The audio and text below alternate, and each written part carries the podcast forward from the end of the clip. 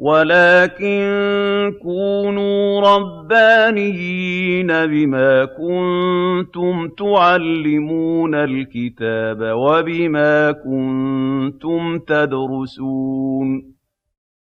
شيخ العمود وأهل العلم أحياء. إحياء علوم الدين. المحاضرة الثانية والثلاثون.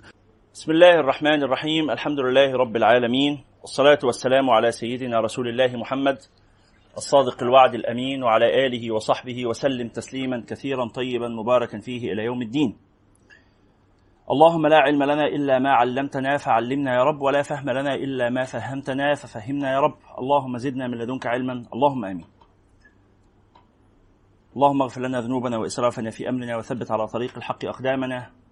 واجعلنا يا ربنا هداة مهديين غير ضالين ولا مضلين برحمتك يا أرحم الراحمين. اللهم آمين. ثم أما بعد حسنا استاذنا تظبط مكان الترايبود ده هذا هو اللقاء الثاني والثلاثون في إطار قراءتنا ومدارستنا لكتاب إحياء علوم الدين للإمام الغزالي حجة الإسلام رضي الله تعالى عنه وأرضاه. وهو اللقاء الثاني عشر في قراءتنا لكتاب الصلاة. ونسأل الله تعالى أن يعلمنا في هذا اللقاء ما ينفعنا وأن ينفعنا وإياكم بما علمنا وأن يزيدنا وإياكم من كرمه علما. اللهم آمين.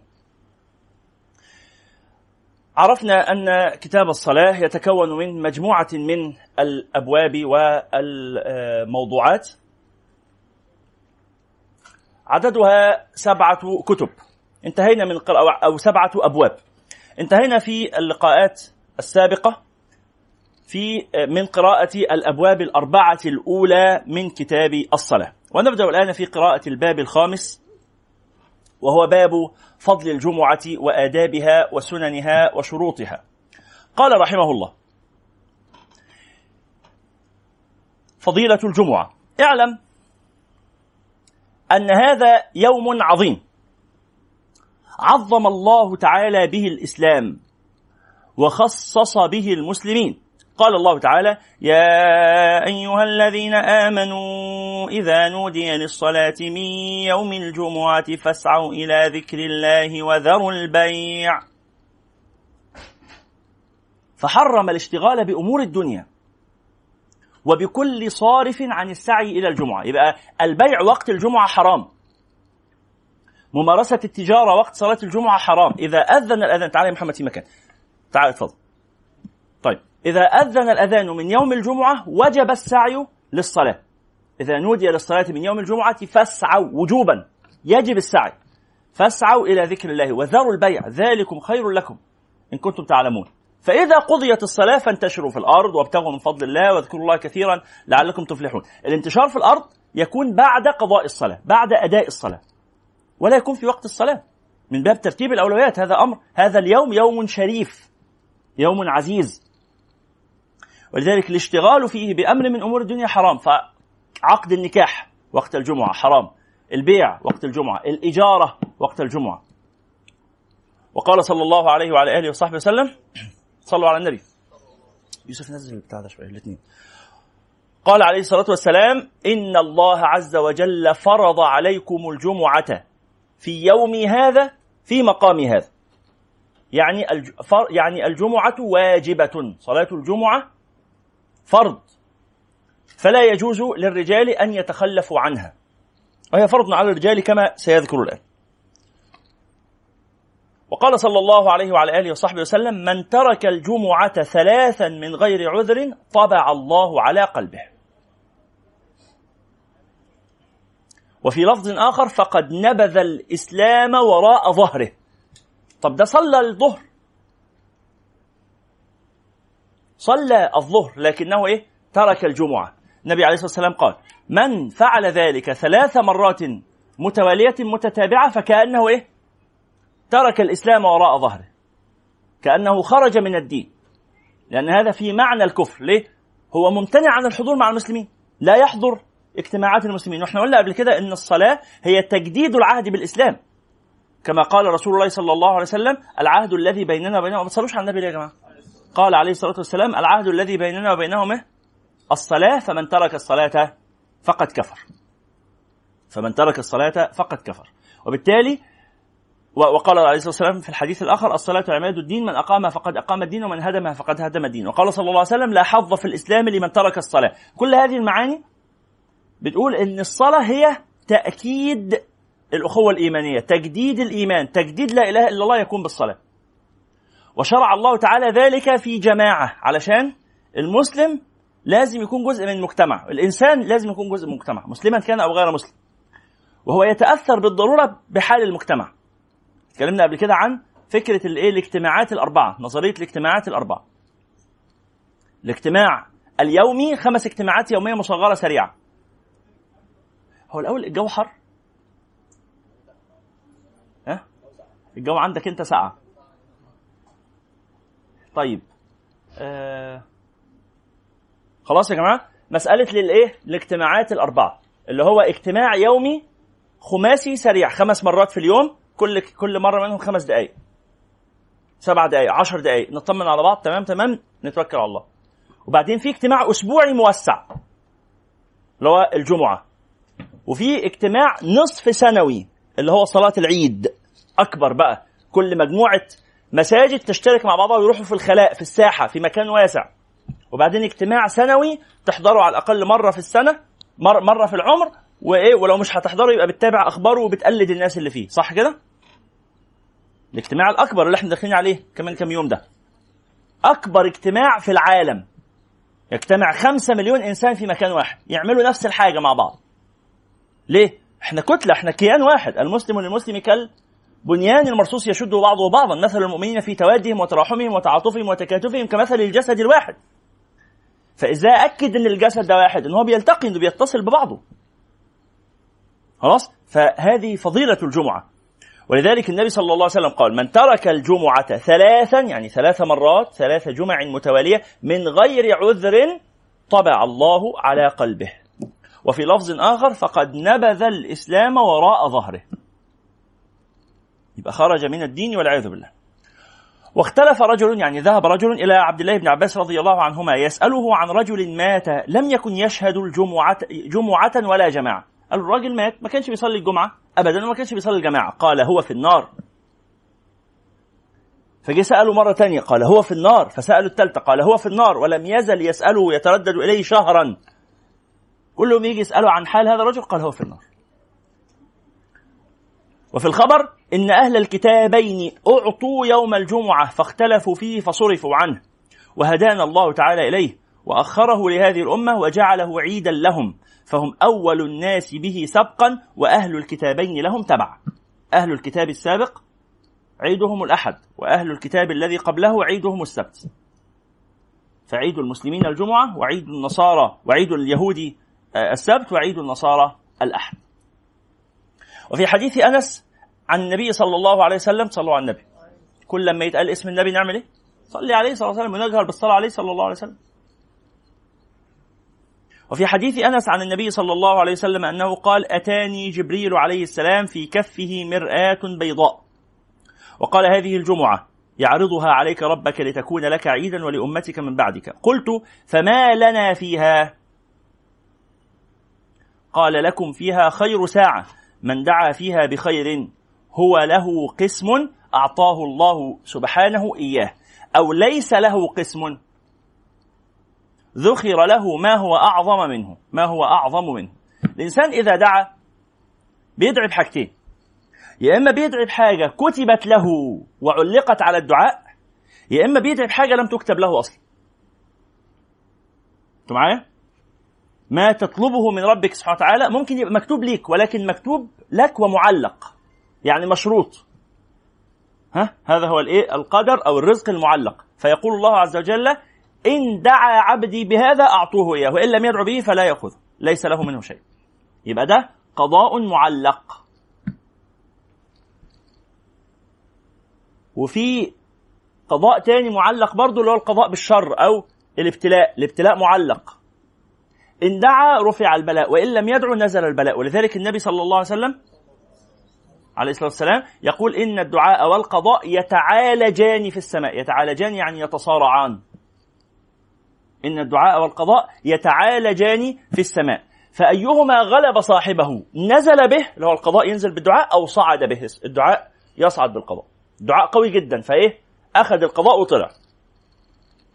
أو القضاء هو اللي كان شديد أقوى من الدعاء. الدعاء ضعيف. يعني إيه دعاء ضعيف؟ يعني دعاء من غير إخلاص.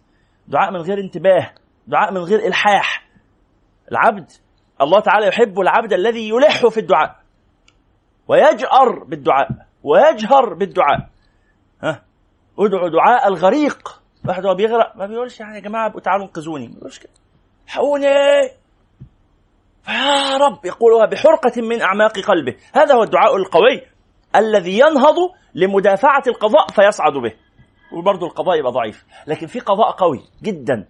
لدرجة ربنا قال مهما دعا هذا الإنسان ولو اجتمع كل الناس يدعون عشان القضاء ده يرتفع مش هيرتفع. أهو ده بقى اللي اسمه الإيه؟ القضاء النافذ. القضاء النافذ. القدر. القدر النافذ أو القضاء؟ القضاء هو القدر النافذ. ففي في قدر معلق وفي قدر نافذ. القدر النافذ هو القضاء. قضى به الله. كذا قضى الله فكيف أصنع؟ والصمت إن ضاق الكلام أوسع. قضى الله. ولذلك الشيخ ابن عطاء الله الإسكندري يقول سوابق الهمم لا تخرق أسوار الأقدار. سوابق الهمم يعني عندك همة عالية جدا همة سابقة همة قوية. همة في الدعاء همة في الطلب همة في العمل همة في السعي همة في البذل همة في ال... همة. بس في حاجة اسمها سور القدر. في سور واطي فالهمة لما تبقى عالية تنط. فلا اقتحم العقبة. وما أدراك ما العقبة. فك رقبة. يلا فك. الرقاب تدخل الجنة. عقبة محطوطة. تتجاوزها تدخل. أو إطعام في أو إطعام في يوم ذي مسغبة. يتيما ذا مقربة. أو مسكينا ذا متربة. بس تعمل الكلام ده وأنت مؤمن. ثم كان من الذين آمنوا. وتواصوا بالصبر وتواصوا بالمرحمة. أولئك أصحاب الميمنة. يبقى دي إيه؟ أسوار منخفضة. تقدر تتجاوزها بالهمة. في أسوار أعلى شوية. عايزه همة أعلى. ساعات ما تبقاش همتك انت همة حد من الصالحين معاك. اللي هي الشفاعة اللي هي الدعاء. إن واحد من الصالحين يدعي لك. يدعي لك يعني إيه؟ يعني يشيلك. لأن همتك الموتور بتاعك ما ينهضش. قوت قوتك في إيه؟ في الإلحاح في الدعاء. مش عارفة تتجاوز السور لأن ده سور عالي. فحد يساعدك والصالحين يدعوا لك حواليك كده فدعوتهم تعمل فيك إيه؟ تشيلك على كفوف الرحمة. اللي هي كفوف الراحة. دي كفوف الرحمة فتتشال عليها فتعلى فتطلع تتجاوز السور العالي. في أسوار بقى؟ لا هي مش عالية بس.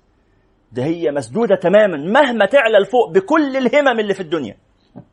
بكل الهمم. استغفر لهم أو لا تستغفر لهم. في همة أعلى من همة النبي صلى الله عليه وسلم؟ أنتم فاهمين معنى الهمة هنا؟ الهمة همة القلب والهمة همة القالب. ولا تكون همة القالب إلا بهمة القلب. فالهموم على قدر فالهمم على قدر الهموم أو الهموم على قدر الهمم. الهمم تعلى بالهم والهم يعلى بالهمة. همة الظاهر يعني عمل الظاهر. عارفين كلمة الهمة اللي عليها بتسمعوها؟ يعني الهمة شد الهمة علي الهمة. إيه إيه علو الهمة؟ علو الهمة ده عمل الظاهر الذي هو نتيجة لعلو همة الباطن. في واحد همته عالية يعني مطلبه شريف. وال وال وال أبو المتنبي كان بيقول إيه؟ وإذا كانت النفوس كبارا تعبت في مرادها الأجسام. كان بيقول له أين أزمعت أي هذا الهمام؟ نحن نبت الربا وأنت الغمام. نحن من ضايق الزمان لو فيك و و وأنسته قربك الأيام. ثم قال إن وإذا كانت النفوس كبارا تعبت في مرادها الأجسام. يعني الهمة عالية فالجسم تعبان لأن المطلوب عالي. ولذلك ما ينامش قالوا من طلب العلا. ها؟ نام الليالي وشد اللحاف وقال مالي. اللي عايز يطلب يطلب أنا عايز أنام. أهو هذا حال إيه؟ حال صاحب الهمة الدنيئة. صاحب الهمة الدنيئة اللي هو بيقول إيه؟ أكل وأشرب إن هي إلا حياتنا الدنيا. نموت ونحيا. تعرفين واحد راح آه، أيام سيدنا عمر بن الخطاب شتم واحد هجاه. ببيت من الشعر. قال له فيه قصيدة يعني يقول منها دع المكارم لا ترحل لبغيتها واقعد فإنك أنت الطاعم الكاسي. قال له مالكش دعوة بالأمور الشريفة؟ خليك في حالك يا عم كل واشرب اقعد فإنك أنت الإيه؟ الطاعم الكاسي. سيدنا عمر لما سمع البيت ده ما شافش الشتيمة اللي فيه ما خدش باله من الإهانة. ده بيقول له إيه؟ ارتاح ما تتعبش نفسك وكل واشرب فين الشتيمة؟ دي نصيحة. ده انت طاعم يعني هتاكل كاسي يعني هتلبس. أنتوا فاهمين؟ فسيدنا عمر ما خدش باله إنها شتيمة. الراجل اللي اتشتم بالشتيمة دي طلب من سيدنا عمر قال له الراجل ده شتمني خليه يعتذر لي ويرد لي كرامتي قال له ما شتمكش ولا حاجة. فرجعوا لواحد من الأعراب. ها؟ فقال له أمسبة هذه؟ قال مسبة وأي مسبة. مسبة وأي مسبة. ليه؟ لأنه بيقول له إيه؟ أنت قاعد تاكل حتى في زماننا ياكل ويشرب زي ليه؟ لما الواحد يقعد ي... ها؟ يحش. يقول له أنت بتحش تاكل وتشرب زي البهايم عزكم الله زي البقر أو إلى آخره. فهو قال له كده قال له دع المكارم لا ترحل لبغيتها واقعد فإنك أنت الطعام الكاسي. فقال له مسبة وأي مسبة؟ ليه؟ لأنه همته منخفضة. لكن الراجل ده لما كانت همته عالية قال سهري لتنقيح العلوم ألذ لي. من وصل غانية وطيب عناق. انت بتتبسط وانت بتشتغل يبقى هتنجز يبقى هتوصل لحاجات كويسة. بتتضايق وانت بتشتغل بتتضايق وانت بتذاكر بتتضايق وانت بتعمل حاجة مفيدة. خلاص إحنا عارفين ال... عارفين المستقبل هيبقى عامل إزاي. فهمتوا كده؟ لكن في واحد شغله دراسته مذاكرته عمله هو بيعمله وهو إيه؟ مبسوط محب. ولذلك يفضل يشتغل يشتغل. أهو ده ينجز أهو ده يوصل لنتائج بغض النظر النتائج دي حلوة ولا وحشة. بيحب الرقص يوصل يبقى رقاص كبير قوي ما شاء الله. طيب بغض النظر بقى النتيجة اللي وصل لها دي نتيجة حسنة أم نتيجة قبيحة؟ أنت قابلها أو رفضها بس في النهاية هو لم يصل إلى هذا المكان باللعب. أوعى تفكر إن الرقاص ده ولا المغني حياته كل مقضي حياته بيلعب ويتنطط. لا ده بيبذل مجهود شاق صح ولا إيه؟ مجهود غير عادي. في التدريب والتجهيز والتحضير والبروفات وال وال وال حاجات يحافظ على جسمه إزاي يروح الجيم بمعدل عامل إزاي ياكل إيه انت فكرك بقى ان هم الفنانين دول معاهم فلوس كتيرة بقى فبياكلوا براحتهم بقى و... لا. صح ولا إيه؟ معاه فلوس الدنيا كلها ويعرف يشتري أحلى اكل في الدنيا بس ما ياكلش غير بحساب وكم جرام من ما أعرفش ال calories عاملة إزاي عشان خاطر ما يتخنش لانها لو تخنت ولا لو تخن فقد مظهره. فالقصد إيه؟ ان الوصول إلى القمة ده لا يكون إلا إلا بالنوم زي ما إحنا نايمين كده لا يكون إلا ببذل الجهد لا يكون إلا بالهمة العالية لا يكون إلا باليقظة في الدرس يعني في في حاجات كتيرة كده. ها لمن أراد الإيه؟ الوصول لابد من تحصيلها. فقال قال كده قال سهري لتنقيح العلوم ألذ لي من وصل غانية وطيب عناقي. وصرير أقلامي على صفحاتها أشهى من الدكاء والعشاق وألذ من نقر الفتاة لدفها نقري لألقي الرمل عن أوراقي. وتراقصي طربا لحل عويصة في الدرس أشهى من مدامة ساقي. لما أقوم أرقص تعال أخوي هنا في مكان تفضل. وتراقصي طربا لحل عويصة. لما تبقى في مسألة صعبة مش عارف أحلها. لما بقدر أحلها بكون في غاية السعادة. أشهى من مدامة ساقي المدامة اللي هي الخمر. عزكم الله. قال أنا بالنسبة لي حل المسائل طعمه أحلى من طعم الخمر اللي بتسكر وتوديني حتت بعيدة. قال إن العلم بيوديني الحتة البعيدة دي. صح ولا إيه؟ ماشي؟ ثم قال أأبيت سهران الدجى وتبيته نوما وتبغي بعد ذلك لحاقي؟ أنت فاكر إنك هتحصلني وأنا سهران تعبان وأنت نايم؟ الله على رسول الله نعم. نعم. آه هنرجع له. حاضر. نتكلم عليه. يبقى اذا يا جماعة صلوا على النبي صلى الله عليه وعلى آله وصحبه وسلم. إنه من ظن أنه بدون الجهد يصل فهو إيه؟ فهو متمني. من ظن أنه بدون الجهد يصل فهو متمني. زي ما ربنا سبحانه وتعالى بيقول إيه؟ ولكنكم فتنتم أنفسكم وتربصتم وارتبتم وغرتكم الأماني. الأماني إيه الأماني؟ ان أنا يعني يا ما هنا يا ما هناك أنا ليا مستقبل. يا ده أنا أنا حاسس إن أنا هيبقى ليا مستقبل. حاسس ده إحساسه جاي منين؟ من غير مجهود ولا حاجة بس أنا حاسس إن هيبقى ليا مستقبل. أهي كلها أحلام واماني فمن ظن أنه بدون الجهد يصل فهو إيه؟ متمني. ومن ظن أنه ببذل الجهد يصل فهو مستغني. مستغني. المستغني ده برضو مصيبة دي. إيه, إيه الاستغناء؟ إن مجهودك هو اللي هيوصلك. الحقيقة إنه مش مجهودك هو اللي هيوصلك. أمال إيه اللي هيوصلك؟ رحمة ربنا بك هو ده المتوكل. المتوكل يبذل الجهد امتثالا وينتظر الأجر تعبدا. ينتظر الوصول تعبدا. يبقى اللي وصلك إيه؟ اللي وصلك رحمة ربنا بيك. تالله لولا الله ما اهتدينا ولا تصدقنا ولا صلينا. وإحنا بنصلي ما بنصليش؟ أمال مين اللي بيصلي؟ الله تعالى يصلي بنا له. طول ما أنت بتلحظ العمل أنت مشرك. إنما الموحد مين؟ الموحد من لا يلحظ العمل. أنت ما صليتش؟ ده ربنا اللي صلى بيك. وما رميت؟ إذ رميت ولكن الله رمى. ولا أنت رميت؟ ما رميتش. يبقى لما تقول أنا رميت أنت لسه عندك اعتداد بذاتك. أنت لسه عندك نظر إلى عملك. أنت لم تتحقق من الإخلاص. الإخلاص ألا ترى نفسك موجودا أصلا. ألا ترى لنفسك شانا. ألا ترى لنفسك عظيما. يبقى في الآخر إيه؟ لما تصلي تعمل إيديك كده وتقول لا حول ها؟ ولا قوة إلا بالله. وأنا صليت. ده ربنا اللي وفقني بس. ربنا اللي جابني هنا وخلاني أصلي. انت أنت شايفني عندي مصنع وعندي ثروة وبتاع. لا قوة ما شاء الله. مش قال كده؟ قال له ولولا إذ دخلت جنتك قلت إيه؟ ما شاء الله. ربنا أراد بس. هو أراد يخليني غني. إرادته كلمة سيدنا الشيخ مصطفى عمران الله يرحمه لما كان يقول إيه؟ ملكه يا الشيخ. أي خبر يتقال له عن أي حاجة في الدنيا ما عندوش غير تعليق واحدة يا مولانا فلان مات. ملكه يا الشيخ. يا مولانا فلان طلق مراته. ملكه يا الشيخ. يا مولانا فلان فقد فلوسه ملك يا الشيخ. يا مولانا فلان جاله ولد. ملك يا الشيخ. جاله بنت. ملك يا الشيخ. آه، كفر. ملك يا الشيخ. آه، اتفصل من شغله.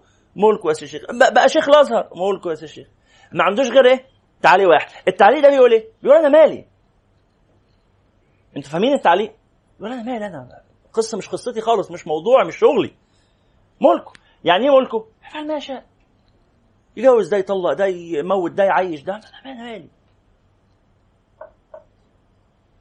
يبقى هو ده الأمان النفسي. ألا ترى لنفسك حظا ولا شانا. تعالى فينا مكان. ألا ترى لنفسك حظا وألا ترى لنفسك شانا وألا ترى لنفسك منزلة. يبقى من ظن أنه بإيه؟ تنسوش القاعدة دي. من ظن أنه بدون الجهد يصل فهو متمني. مفيش مفيش وصول من غير مجهود. بس المجهود ليس سبب الوصول إنما المجهود إيه؟ شرط الوصول. والفرق بين السبب والشرط يعرفه أهل أصول الفقه. أصول الوصول. ما الفرق بين السبب والشرط؟ عارفين؟ إحنا بتوع أصول فقه. لسه في الدرس اللي فات. عارفينه خلاص؟ عارفينه. محمد إبراهيم عارفه واحمد نصار عارفه وحسن عارفه ويوسف عارفه وعبد الرحمن عارفه وعمر سامي عارفه. وألاء عارفاه وسمية ومروة ورضوى وفاطمة أهو وإيمان ومحاسن كل دول عارفين. من غير ما أي حد فيهم لو قلت له قول الفرق بين الشرط وال... هيقولوا فورا دلوقتي. تلاقيهم فريرة كده قالوا الفرق بين الشرط والمانع عند الاصوليين أن السبب هو ما يلزم من وجوده الوجود ومن عدمه العدم والشرط هو ما لا يلزم من من يلزم من عدمه العدم ولا يلزم من وجوده وجود ولا عدم هيقولوا على طول اللي أنا قلت لهم هيقولوا صح؟ بالشجرة الكاملة الله يفتح عليك. يلا الامتحان قريب. يلا دي مشاكل عائلية بلاش نحلها قدام الناس. يلا صلوا على رسول الله. الله. يبقى إيه؟ يبقى العمل شا... يبقى العمل سبب للوصول؟ ردوا علي هل العمل سبب للوصول؟ لا. أمال العمل إيه؟ شرط للوصول. إيه الفرق؟ ولله المثل الأعلى. لما تقول لابنك لو نجحت في ستة ابتدائي هجيب لك عجلة. نجح في سته ابتدائي. الحمد لله. هتروح تجيب له العجلة. نجاحه ثمن للعجلة؟ يعني تروح للراجل البياع تقول له أنا عايز عجلة. يقول لك الفلوس تقول له أنا نجح في سته ابتدائي. يقول لك أنا مالي. ما ينجح ولا إن شاء الله ينجح أنا مالي. أنا عايز الثمن. فتقوم أنت تدفع من جيبك فلوس هي دي الثمن. أمال نجاح ابنك ده شرط. ده شرط. مفيش نجاح يبقى مفيش عجلة. في نجاح؟ ممكن يبقى في عجلة وممكن يبقى مفيش على حسب قدرتك ساعتها إنك تجيب. يبقى ممكن ينجح وما تقدرش تجيب له العجلة. معلش أو تقدر ربنا يكرمك. ماشي. لكن لو ما نجحش حتى لو أنت قادر هتجيب له العجلة؟ غالبا لا. صح كده؟ ولله المثل الأعلى. ربنا قال اعملوا هدخلكم الجنة. هل العمل ربنا يستفيد منه شيء؟ ابدا حاشا وكلا لن ينال الله لحومها ولا دماؤها ولكن يناله إيه؟ التقوى منكم. أنت اللي هتستفيد. أنت اللي هتصل للتقوى. لكن هو الحديث بيقول يا عبادي إنكم لن تبلغوا ضري فتضروني ولن تبلغوا نفعي فتنفعوني. يا عبادي لو أن أولكم وآخركم وإنسكم وجنكم كانوا على أتقى قلب رجل واحد منكم ما زاد ذلك في ملك شيئا. كل الناس زي سيدنا محمد صلى الله عليه وسلم الله لا يستفيد. ويا عبادي لو أن أولكم وآخركم وإنسكم وجنكم كانوا على أفجر قلب رجل واحد منكم. كل الخلق زي إبليس. ما نقص ذلك من ملك شيئا. يا عبادي لو أن أولكم وآخركم وإنسكم وجنكم اجتمعوا في صعيد واحد فسألوني فأعطيت كل واحد مسألته ما نقص ذلك مما عندي إلا كما ينقص المخيط إذا أدخل البحر. يا عبادي إنما هي أعمالكم أحصيها لكم ثم أوفيكم إياها. ربنا سبحانه وتعالى بس بيجمع لك الأعمال. أحصيها لكم ثم أوفيكم. يوم القيامة تروح ت... ها؟ تجد كل نفس ما عملت. تجد كل نفس ما أحضرت. وردوا إلى الله مولاهم الحق. يلا ده دي أعمالك اتفضل. إنما هي أعمالكم أحصيها لكم ثم أوفيكم إياها. فمن وجد خيرا فليحمد الله. ومن وجد غير ذلك فلا يلومن إلا نفسه. مشكلتك أنت. إن أحسنتم أحسنتم. وإن أسأتم فلها وإن أسأتم فلها فلازم المعنى ده يبقى واضح. فمن ظن أنه بدون الجهد يصل فهو متمني. ده دي أحلام وأماني. والنبي صلى الله عليه وسلم اتكلم عن ذلك وقال إن قوما يظنون يسيئون العمل ويقولون نحسن الظن بالله وكذبوا. لو أحسنوا الظن لأحسنوا العمل. حاضر. لو أحسنوا الظن لأحسنوا العمل. لكن تسيء العمل وتقول أحسن الظن بالله هذا لا يستقيم. فبدون الجهد لا وصول. وبالجهد برضه لا وصول.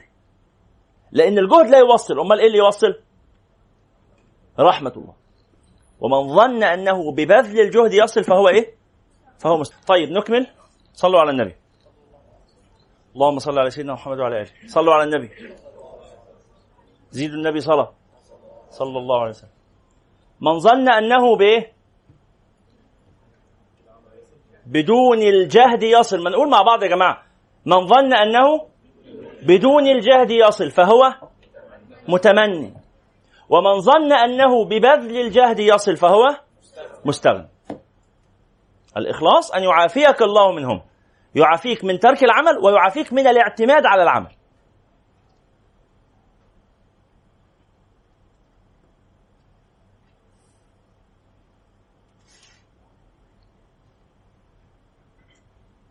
وبالتالي فمرة أخرى أنت إذا دعوت بشيء هذا الذي تدعو به إما أن يكون مقسوما لك أو أو لا يكون مقسوما لك. فإن كان مقسوما لك زاده الدعاء أو عجله الدعاء أو حصل لك بالدعاء. يبقى إيه؟ رزق معلق على الدعاء. وإن لم يكن مقسوما لك فمهما دعوت فلن تصيبه. وسوابق الهمم مالها لا تخرق أسوار الأقدار. سوابق الهمم تعال يا أخويا في هنا مكان. لا تخرق أسوار الأقدار.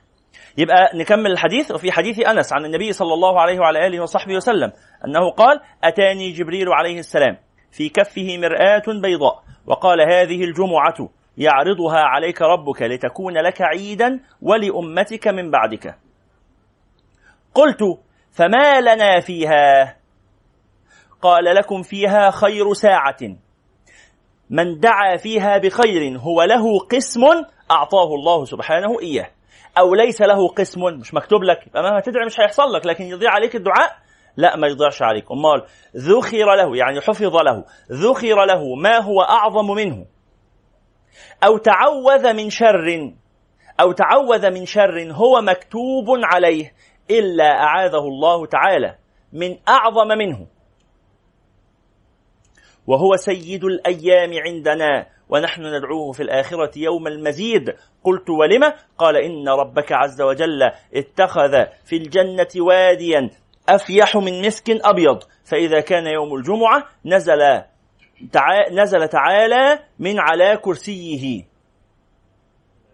عفوا نزل تعالى من عليين على كرسيه فيتجلى لهم حتى ينظروا إلى وجهه الكريم. بهذا الحديث يتحدث عن فضل هذا اليوم وعن مكانة هذا اليوم. هذا الحديث إسناده لا يصح عند كثير من الفقهاء. وقال بعضهم بأنه حديث حسن. قال بعضهم حديث حسن. وقال آخرون إسناده لا يصح. ولكن معناه طيب. وقال صلى الله عليه وسلم خير يوم طلعت عليه الشمس يوم الجمعة. فيه خلق آدم عليه السلام. وفيه أدخل الجنة. وفيه أهبط إلى الأرض. وفيه تيب عليه. ومن مات وفيه مات عليه السلام. وفيه تقوم الساعة وهو عند الله يوم المزيد كذلك تسميه الملائكة في السماء وهو ينظر الله وهو يوم النظر إلى الله تعالى في الجنة. وفي الخبر إن الله عز وجل في كل إن لله عز وجل في كل جمعة ستمائة ألف عتيق من النار. اللهم حرم أجسادنا على النار يا رب. وفي حديث أنس رضي الله عنه أنه صلى الله عليه وسلم قال إذا سلمت الجمعة سلمت الأيام. لذلك أهل, أهل الله من الصالحين كانوا يراعوا أنفسهم جدا يوم الجمعة. يعني حتى لو هتعصي الله في غير في أيام الأسبوع تيجي عند يوم الجمعة ده تحرم المعصية. تزداد حرمة. ما المعصية حرام كده كده بس تزداد حرمة. كما أن المعصية في الأشهر الحرام ومنها شهر ذي الحجة ده اللي إحنا فيه. المعصية في الأشهر الحرام أعظم حرمة من غيرها. والمعصية في البلد الحرام المعصية في مكة ليست كمعصية في غيرها. فالمعصية في البلد الحرام أعظم حرمة من غيرها وهكذا. لأن هذه أوقات شريفة. فتزداد ولذلك؟ يراعوا أنفسهم جدا يوم الجمعة تضبط نفسك. من سلمت له الجمعة سلمت له الأيام. وقال صلى الله عليه وسلم إن الجحيم تسعر في كل يوم قبل الزوال عند استواء الشمس في كبد السماء فلا تصلوا في هذه الساعة إلا يوم الجمعة فإنه صلاة كله. وإن جهنم لا تسعر فيه. النبي صلى الله عليه وسلم نهى عن الصلاة قبل أذان الظهر. تحرم الصلاة قبل أذان الظهر. بمدة وجيزة لو وقت استواء الشمس في كبد السماء. وقبل صلاة الظهر بوقت طويل تكره الصلاة. من بعد الشروق إلى قبل أذان الظهر بعشر دقائق تكره الصلاة. وقبل الأذان بعشر دقائق تحرم الصلاة. إلا يوم الجمعة فلا تحرم تحرم ولا تكره. ليه؟ لأنه يوم الصلاة أكثر من الصلاة ما شئت بقدر ما تستطيع في هذا اليوم. وقال كعب إن الله تعالى ولذلك مثلا البلد الحرام لا تحرم الصلاة ولا تكره طوال الأيام طوال اليوم في كل الأيام. في كل أيام السنة لا تحرم الصلاة ولا تكره. ليه؟ لأن هذا بلد الصلاة. أنت رايح مكة هتقعد فيها فترة ها؟ أوقات لو في أوقات كراهة وأوقات حرمة يبقى تحرم من الصلاة في بعض الأوقات؟ لا. لا تحرم الصلاة ولا تكره في مكة سواء قبل سواء بعد الشروق أو بعد العصر. أنتم عارفين وقت الكراهة؟ أوقات كراهة الصلاة ثلاثة وأوقات تحريمها خمسة. أوقات كراهة الصلاة ثلاثة. آه، آه، عفوا أوقات تحريم الصلاة ثلاثة. أوقات تحريم الصلاة ثلاثة وأوقات كراهيتها وقتان. فأما وقت الكراهية فهو من بعد صلاة الصبح حتى تطلع الشمس. ومن بعد صلاة العصر حتى تغرب الشمس. دول اسمهم وقت الكراهة. تكره الصلاة التي بلا سبب اللي هو التنفل المطلق. يوسف يوسف تعبك تطفي المروحة من بعد صلاة العصر إلى غروب الشمس كل ده تكره الصلاة التي ليس لها سبب اللي هو النفل المطلق ومن بعد صلاة الصبح حتى تطلع الشمس تكره الصلاة طب إيه بقى أوقات الحرمة؟ أوقات الحرمة قبل شروق الشمس وأثناء شروقها إلى أن ترتفع، قبل شروق الشمس بقليل. وأثناء شروقها إلى أن ترتفع، يبقى قبل الشروق بخمس دقائق وبعد الشروق بخمس دقائق، قبل الشروق بعشر دقائق وبعد الشروق بعشر دقائق. ده وقت حرمة. أثناء ما الشمس بتطلع لأن عباد الشمس كانوا يعبدونها في هذا الوقت في وقت طلوعها فلا نتشبه بهم بل نخالفهم. فأثناء الشروق تحرم الصلاة. لذلك إحنا بنصلي الضحى إمتى؟ بعد ارتفاع الشمس ب 10 دقائق ببص كده على وقت الشروق اللي في النتيجة واستنى 10 دقائق ربع ساعة بعد كده أصلي الضحى.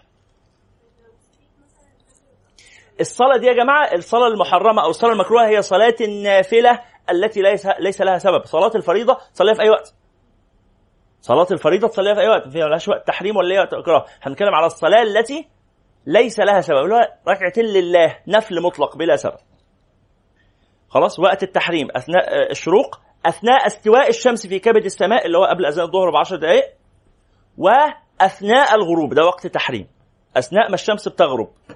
وهي قريبة جدا من الأرض وبدأت تلمس الأرض وبدأت تغرب اهي لغاية لما يتم غروبها ده اسمه وقت تحريم. خلاص؟ اتفقنا كده؟ وقال كعب إن الله تعالى فضل من البلدان مكة ومن الشهور رمضان ومن الأيام الجمعة ومن الليالي ليلة القدر. ويقال إن الطير والهوام يلقى بعضها بعضا يوم الجمعة فتقول سلام سلام يوم صالح. المعنى العام إيه؟ إن يوم ليه احترامه يوم ليه تقديسه يوم ليه حرمته يوم ليه شرفه.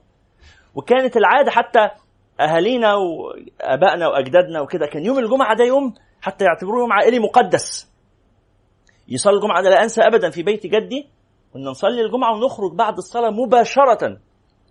لا نلتفت يمينا ولا شمالا نروح بعد الصلاة بيكون الشيخ الشعراوي آه، برنامج سر الأرض. برنامج سر الأرض. بتاع الفلاح ده وبعدين بعده الشيخ الشعراوي نقعد العيلة كلها تقعد تشوفه يخلص الشيخ الشعراوي الأكل يتحط. الشيخ الشعراوي كان بيخلص بعد الجمعة بنص ساعة مثلا. نص ساعة. الاكل يتحط كلنا نقعد ناكل مفيش فرد من من العيلة يغيب. التقليد ده يعني مع تغير الأحوال بتاع بدأ ي... البرنامج الشيخ الشعراوي ما بقاش يتعرض. بس هي السر ما كانش في الشيخ الشعراوي يعني. المسألة في الاجتماع. وكان حتى من الحاجات الطيبة اللي كانوا يعملوها آه، دايما الناس يوم الجمعة إن هم يشغلوا البخور في البيوت ويملأوا البيوت بالرائحة الطيبة. خلاص؟ وتتعطر ولذلك الجمعة لها آداب لها سنن سيذكرها. تتعطر وتلبس أجمل الثياب وتقص أظافرك وشويه حاجات كده تقول إن اليوم ده يوم مختلف. وأقول لكم على حاجة كانوا يعملوها في في القاهرة. عارفين مأذنة جامع الحاكم بأمر الله؟ شفتوها قبل كده؟ المأذنة دي كانوا يعملوا فيها حاجة عجيبة. المأذنة ليها فتحات من اليمين والشمال. كان يسدوا الفتحات دي من جوه بخشب الصندل. يسدوا كل الفتحات. ويشغلوا البخور في المدخنة في المأذنة. طول. طول الأسبوع. وهي مقفولة. والبخور شغال جوه. من يوم الجمعة بالليل لغاية يوم فجر الجمعة. من ليلة السبت إلى فجر الجمعة. يجي يوم الجمعة. بعد أذان بعد صلاة الفجر يقوم يشيل الخشب. فالريحة اللي متعبأة تنتشر في أرجاء المدينة كلها. دي مبخرة بحجم إيه؟ مدينة. تقوم الرائحة تنتشر في كل المدينة في مدينة القاهرة إن النهاردة يوم الجمعة. وتفضل الأبخرة الطيبة دي البخور ده يتصاعد من الفتحات بتاعت المأذنة على مدار يوم الجمعة إلى غروب الشمس. فإذا غربت شمس يوم الجمعة أغلقوها مرة أخرى بالخشب وأشعلوا فيها البخور مرة أخرى على مدار الأسبوع للجمعة اللي بعدها. مظهر من مظاهر الاحتفال. المظاهر كثيرة بس القيمة ليست في المظاهر المظاهر دي كلها ليست إلا تذكير بالحقائق.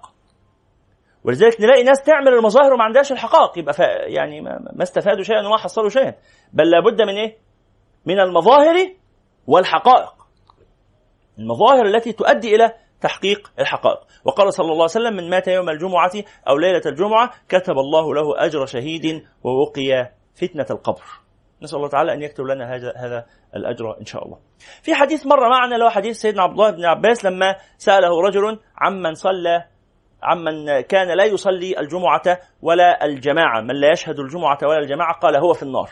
هو كده مش يبقى حكم على إنسان حكما معينا؟ وإحنا اتفقنا قبل كده إن عقيدة المسلمين هي عدم الحكم على معين لأن أمر الجنة أو النار أمره إلى الله عز وجل. نعم هو يقول هذا الفعل فعل أهل النار ليس هذا الإنسان بعينه. من فعل كذا فهو فهو في النار. إن رجلا مات وكان يفعل كذا وكذا. نقول الحكم الذي نعرفه من الشريعة أنه في النار. لكن هو بالذات ربنا عمل فيه إيه؟ لا ندري. لكن الإجابة هنا إجابة إيه؟ إجابة هو لا يقصد بها الميت لأن الميت مش فارق معانا. هو يقصد بها الأحياء يقصد بها أهله يقصد بها من يأتي بعده ليقول لهم لا تفعلوا مثل فعله. فهمتم هذا؟ نحن لا نحكم على الموتى لأن الموتى دول أمرهم إلى الله الله يتولاهم. ولكن من مات على هذا فهو في النار. فمعناه لا تمت إلا وأنت مسلما كما في قول الله عز وجل آه، آه، ولا تموتن إلا وأنتم. طب من مات على غير الإسلام؟ آه أمره إلى الله. إحنا عقيدتنا أنه في النار. أمره إلى الله. ولذلك النبي صلى الله عليه وعلى آله وصحبه وسلم قال من قتل نفسه بحديدة ها لم يزل يقتل نفسه بها أبدا في نار جهنم. من قتل نفسه بحديدة يعني يموت منتحر يفضل في النار مخلد يموت نفسه بنفس الطريقة يفضل يعذب نفسه بنفس الطريقة. فإحنا نقول من مات منتحرا فهو مخلد في نار جهنم. طب فلان صاحبنا فلان الفلاني له مات منتحرا جارنا زميلنا مات منتحرا. نقول من مات منتحرا فهو في النار. وما نقولش محمد ده في النار. ما نقولش خالد ده في النار. من مات منتحرا هو في النار. يبقى نقول الحكم الإيه؟ العام الحكم الإجمالي. والحكم ده الهدف الأساسي منه مش الحكم على من مات إنما إيه؟ الأحياء. ما تعملوش زيه. تحذير النظر للمستقبل مش للماضي. اللي حصل حصل. نظر للمستقبل. فلا تفعلوا مثل فعل هذا الإنسان. فالإجابة هنا إجابة فيها فقه. لذلك سيدنا عبد الله بن عباس حصل معاه موقف تاني برضو في إجابة فقيهة أنه قال ذهب إليه إنسان وقال له هل للقاتل توبة؟ لو حد قتل حد هل ينفع يتوب؟ قال لا. طيب أنتوا كلكم عارفين ان القاتل ينفع يتوب ولا لا؟ كلكم عارفين ده. في حد ما يعرفهاش؟ كلنا. إحنا إحنا في العلم ولا سيدنا عبد الله بن عباس؟ إحنا طبعا إحنا علماء أفزاز كبار. طبعا إيه؟ رضي الله عن سيدنا عبد الله بن عباس ترجمان القرآن. النبي صلى الله عليه وسلم دعا له بالفهم قال اللهم فقهه في الدين وعلمه التأويل. ده حبر الأمة. حبر الأمة. بقى معقول حبر الأمة فايته الإجابة البسيطة اللي إحنا كلنا عارفينها إن القاتل إن باب التوبة مفتوح وإن ربنا بيقبل الذنوب جميعا. يعني ما كانش حافظ الآية اللي بتقول إن الله لا يغفر أن يشرك به ويغفر ما دون ذلك من يشاء. لا كان حافظها. بس إيه؟ بعد ما الراجل سأله ومشي قام واحد من اللي قاعدين. قال يا ابن عباس. قال يا ابن عباس أليس للقاتل توبة؟ سأله. أليس للقاتل توبة؟ قال له توبة.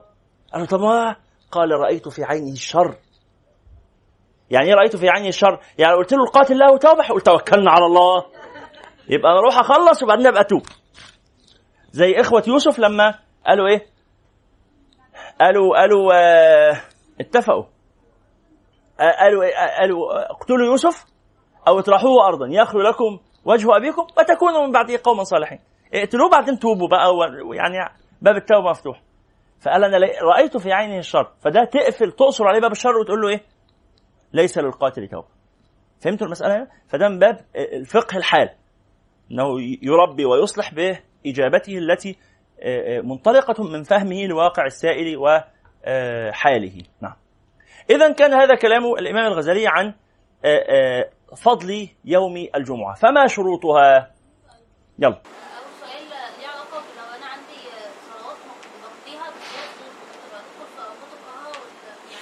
سؤال جميل. أختها بتقول لو أنا عندي صلوات بقضيها. إحنا اتفقنا قبل كده في بداية كتاب الصلاة أن الذي عليه صلاة سابقة في عمره لا يجوز له أن يصلي النوافل.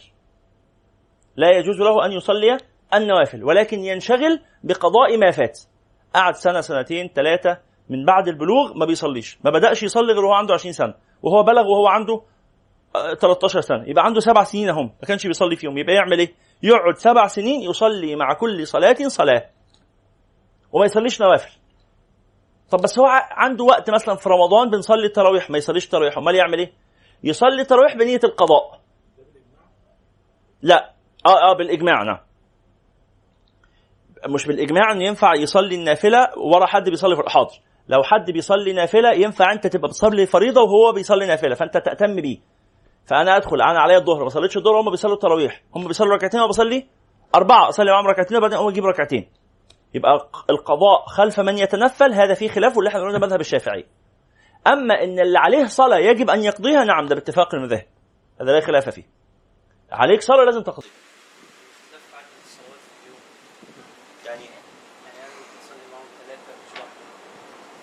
آه دي حاجة ثانية بس اللي عليه صلاة لازم يقضيها. يقضيها إزاي؟ ناس قالوا يقضي مع كل صلاة صلاة. وناس قالوا يقضي مع كل صلاة ثلاث صلوات. وناس قالوا لا ما يقضي كل ما استطاع القضاء. يقضي مع كل صلاة خمسة لو يقدر عشرة لو يقدر عشرين على قد ما تقدر بقى كل واحد وإمكانياته. كلما وجدت في نفسك همة يبقى عندك أجندة كده دي, دي ديون عليك. ديون سبع سنين في 365 يوم يبقى عندي كذا ظهر كذا عصر كذا. أنا الصبح عمري ما كنت بفوتها. أو الصبح مثلا على سطر وسطر. غالبا بنسبة 60% كنت بصلي الصبح و40% ما بصليهاش. فهمتوا المسألة دي؟ فتقعد تحسبها. وكنا شرحنا قبل كده طريقة الحساب ده. فتحسب. فأنت عليك صلوات ديون. فتنشغل بقضاء هذه الديون حتى في أوقات الحرمة وحتى في أوقات الكراهة. لأن ده قضاء مش صلاة نافلة. إحنا قلنا الصلاة تكره أو تحرم في صلاة النافلة فقط. لكن القضاء دي صلاة فريضة. فلا تكره ولا تحرم. صليها في أي وقت. في أي وقت. هقوم بعد العشاء أصلي الصبح. أصلي خمس صلوات صبح من اللي فايتني. أصلي التراويح هم بيصلوا 20 ركعة أصلي أنا فيها 10 صلوات صبح من اللي فايتني. ب 10 تسليمات. أي حاجة. إن كل ده قضاء. نعم.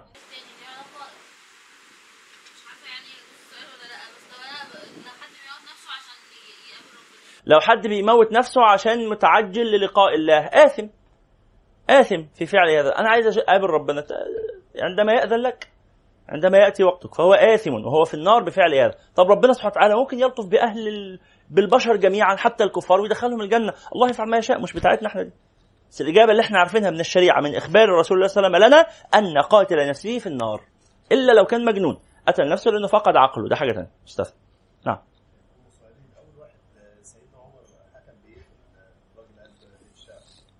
آه الراجل بتاع فقد فإنك أنت الطاعم الكاسي. أظن ده كان الزبرقان على ما أذكر يعني كان الزبرقان ابن بدر وحبسه.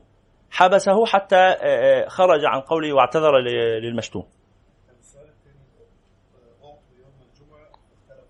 نعم.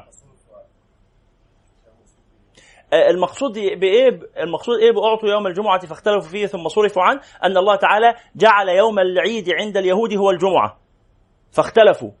فصرفوا عن الجمعة إلى السبت وجعل يوم الجمعة عند النصارى هو العيد فاختلفوا فيه فصرفوا عنه إلى الأحد. وشرع الجمعة عيدا للمسلمين فهدوا إليه. نعم. سؤال آخر؟ نعم. يحرم البيع أثناء الجمعة. نعم. تاني كده؟ آه هذا الحكم في من تجب عليه الجمعة. هذا الحكم في من تجب عليه الجمعة. مين اللي واجب عليهم الجمعة؟ حكم البيع وقت الجمعة حرام لمن تجب عليه الجمعة. من الذين تجب عليهم الجمعة؟ هنتكلم عليهم. هنتكلم عليهم. هنتكلم عليهم يعني أقصد ننتظر قليلا نتكلم عليهم وبعدين نرجع نسمع الأسئلة. طيب قال بيان شروط الجمعة. ركز معايا. قال اعلم أنها تشارك جميع الصلوات في الشروط وتتميز عنها بست شروط. يبقى شروط الصلوات كلها قلناها قبل كده. الشروط الظاهرة للصلاة الإسلام والبلوغ والعقل وهكذا. والطهارة واستقبال القبلة وستر العورة ودخول الوقت نفس الوضع. قال ولكنها تتميز عنها بستة شروط. الأول الوقت. فلو وقعت تسليمة الإمام في وقت الجمعة في, في وقت العصر فاتت الجمعة وعليه أن يتمها ظهرا. يبقى وقت صلاة الجمعة محصور ما بين الإيه؟ الظهر والعصر. فلو أخر الجمعة بحيث إنه وهو بيصلي أثناء ما هو بيصلي أذن العصر يبقى هذه الصلاة لم تصح جمعة. أمال يعمل إيه؟ يكمل أربع ركعات. تبقى كده بقت ظهر ما بقتش جمعة. فهمتوا دي؟ ما تبقاش جمعة يعني ما تبقاش ركعتين إلا إذا صلاها في وقتها. لكن صلاة الظهر لو بتقضيها بالليل ما صليتش الظهر الصبح وبتقضيها بالليل بتقضيها إيه؟ أربعة زي ما هي. يبقى الجمعة لا تصلى ركعتين إلا إذا كانت فيه وقتها. أنتوا صاحيين ولا نايمين؟ طب ما تردوا طيب. ما نتفاعل كده. ها؟ طب لو فاتتني من الجمعة ركعة واحدة أنا داخل أصلي. هم بيصلوا الجمعة في ميعادها الطبيعي. وأنا رحت متأخر فأدركت ركعة مع الإمام تقوم تجيب ركعة ثانية تقوم تجيب ركعة ثانية لأنك إيه أدركت ركعة. طب لا ده أنا دخلت بعد ما رفعوا من ركوع الركعه الثانية. يعني أنا دخلت معاهم وهم في السجود بتاع الركعة الثانية أو في التشهد بتاع الركعة الثانية أعمل إيه؟ تقوم تجيب أربع ركعات. تقوم تجيب أربع ركعات. لا تدرك الجمعة إلا بإدراك ركعة فيها وإدراك ركعة بالدخول قبل ركوع الركعات الثانية.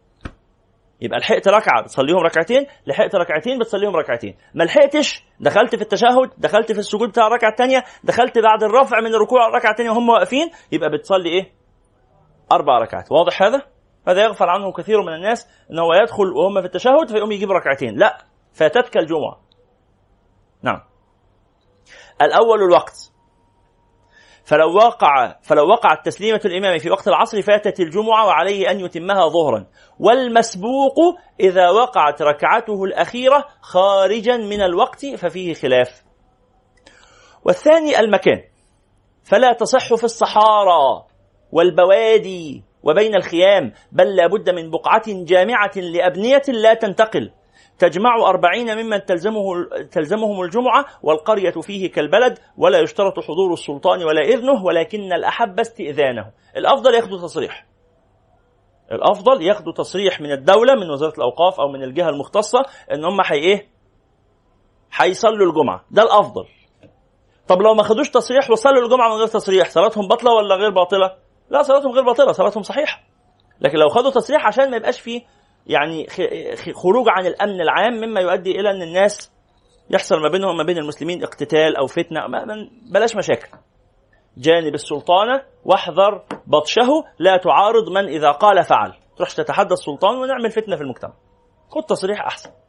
اتفقنا كده؟ صلينا على رسول الله؟ يبقى لابد أن تكون في مكان استقرار. يبقى ده الشرط الثاني للجمعة أن تكون في مكان استقرار فلا تصح إحنا رايحين رحلة خلوية. عاملين تخييم في الصحراء ينفع نصلي الجمعة هناك؟ لا ما ينفعش. لأن هذا ليس مكان الجمعة. أمال نعمل إيه؟ نصلي ظهر أربع ركعات. حتى لو إحنا 500 واحد. بس إحنا مستقرين في هذا المكان ولا جايين له بس رحلة وماشيين؟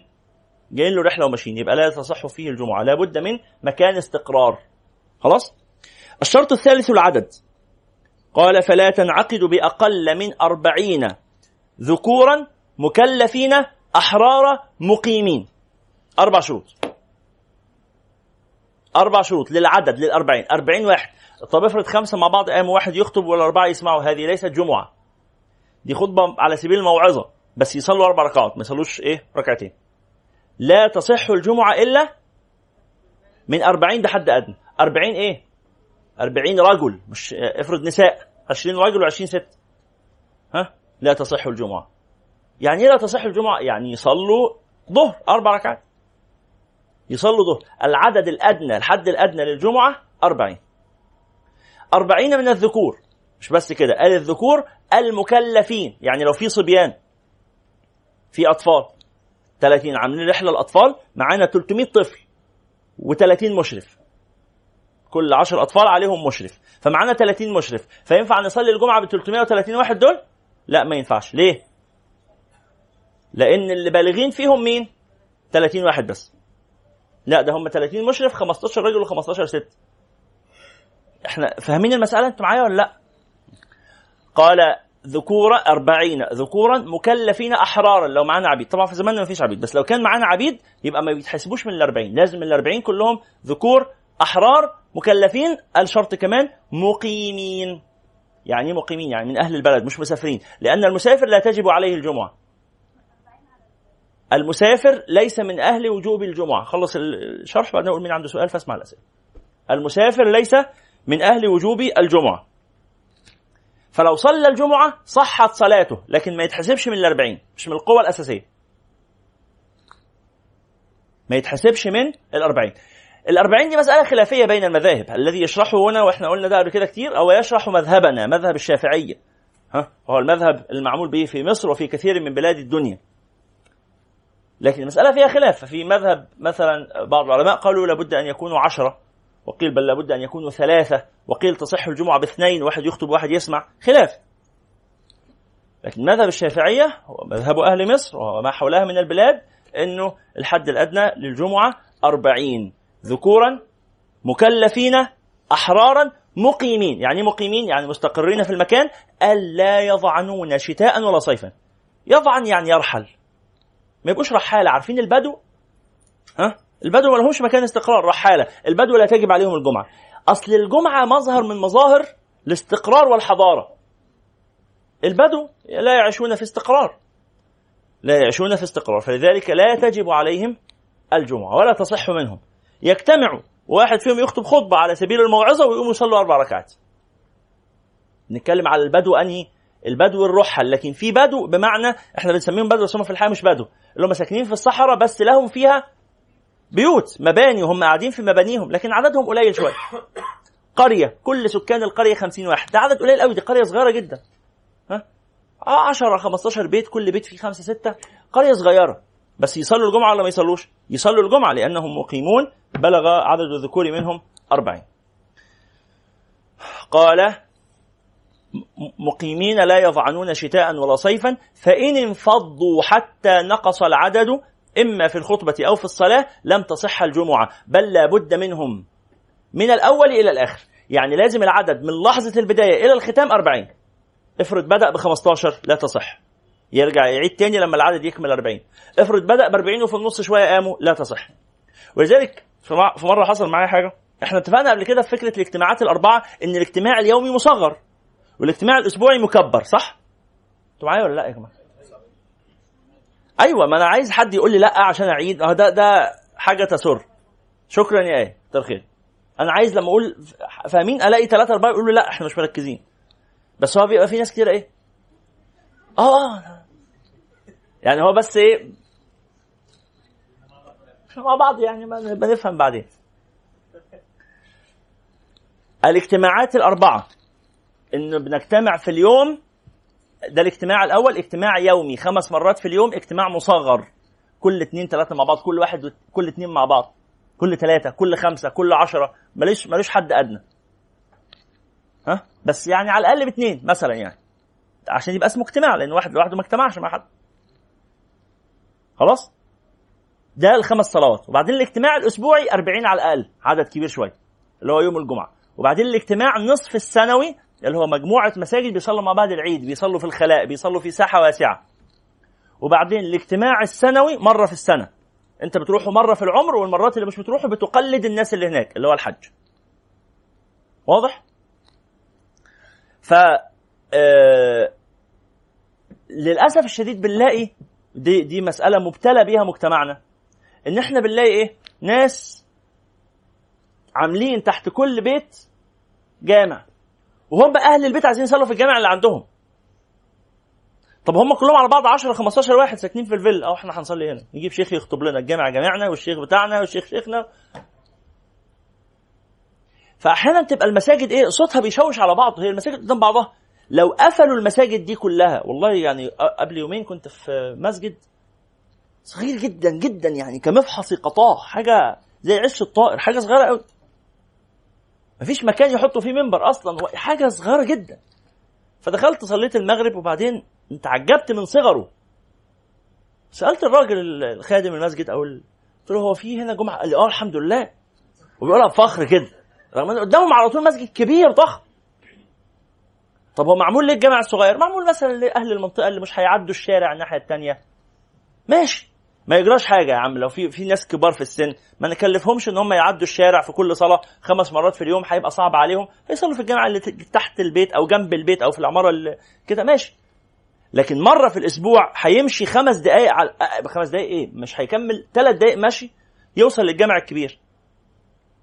ففي مرة كلفت بالخطابة في مسجد أو كنت أول مرة أروح. فلما دخلت المسجد لقيت مسجد صغير. ومحدش قاعد في المسجد غير اتنين. العامل بتاع المسجد المؤذن وواحد قاعد. بس كده. دخلت قعدت. كان قبل الصلاة بخمس دقائق مثلا. دخلت صليت ركعتين تحيه المسجد وجلست. وقت الصلاة جه خلاص الأذان هيأذن دلوقتي. فجه المؤذن كان العدد زاد بقوا ثلاثة وأنا رابعهم. فجه المؤذن قال لي يلا يا شيخ. قلت له يلا إيه؟ خير. قال لي يلا الخطبة. قلت له لا ما فيش خطبة النهارده مش هينفع. لما العدد يزيد. قال لي ليه؟ قلت له هو كده العدد الحد الأدنى 40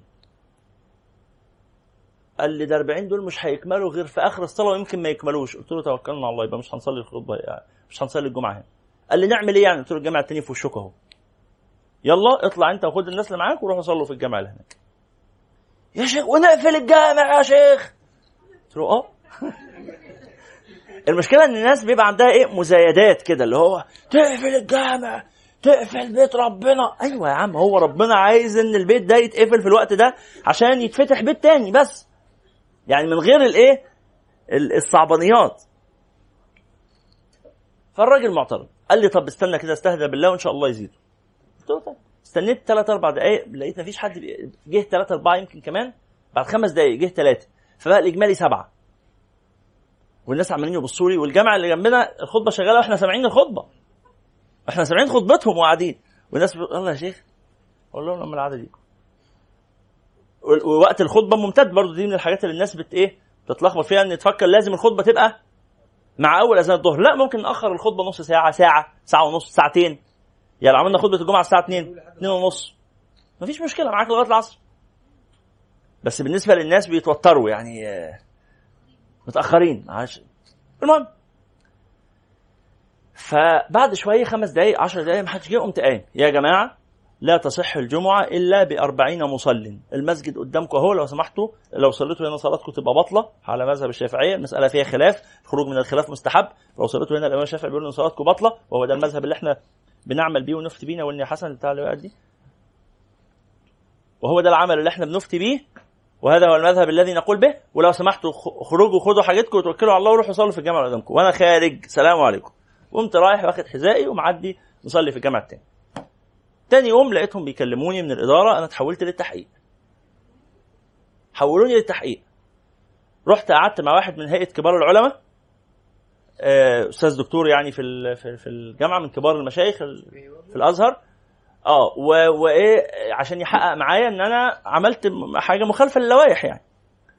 فقال لي أنت بقى أنت قلت للناس فعلا أنا مش عايز أصلي بيكوا؟ واقفلوا الجامع والجامع ده ما يبقاش فيه صلاة. طبعا هم لما هيوصلوا الخبر مش هيقولوا التفاصيل هم هيوصلوا مرضيش يصلي وقفل الجامع. يعني اللي هو أنا رايح صوتي وجعني فأنا عايز أشرب ليمون في الجامع التاني. يعني هو شاور كده آه بالظبط. واتكلي على السين.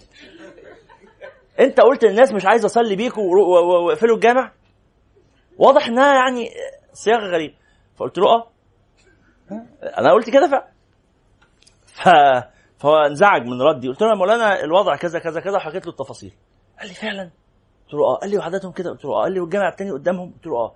قال لي قرار بإغلاق المسجد. قرار دائم بقى مش ال... نهائيا. بإغلاق المسجد في صلاة الجمعة ويفتح في الصلاة الخمسه فقط.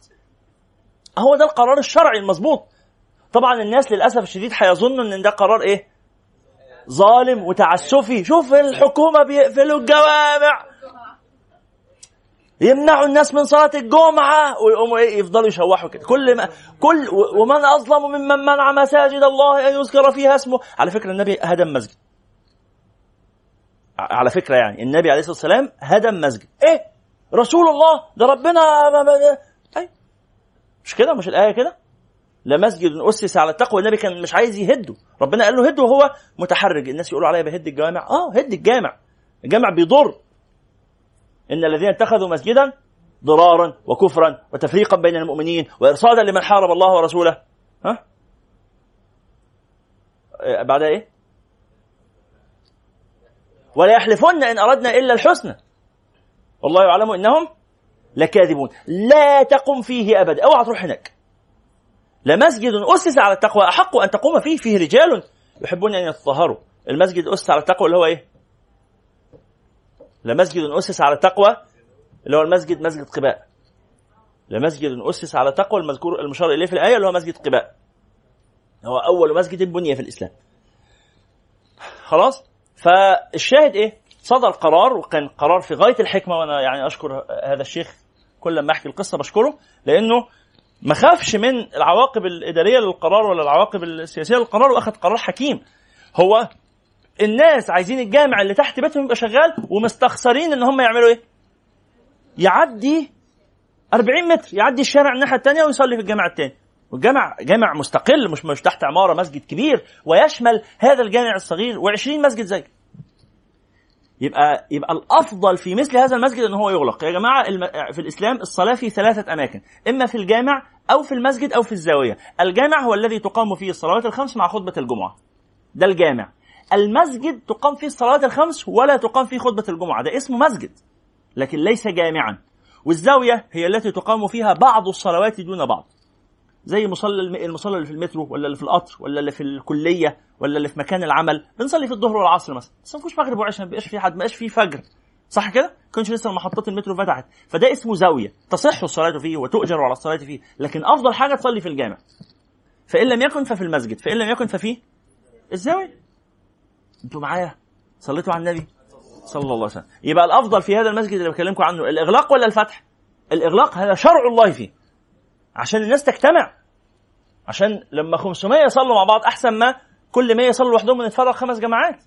لما 5000 يصلوا مع بعض وهكذا. كل ما كل ما كانت عندنا قدرة نصلي في الجامع الكبير نصلي فيه أفضل. مفيش قانون بيمنع. لا لو رحتي حضرتك في في الأوضة عندك جمعتي صاحباتك وصليتوا الجمعة ما القانون مش هيمنعكم. عادي. المفروض إن القانون بيمنع المفروض القانون بيقول إن مساحة المسجد لا تقل عن حد معين بس إحنا في مصر.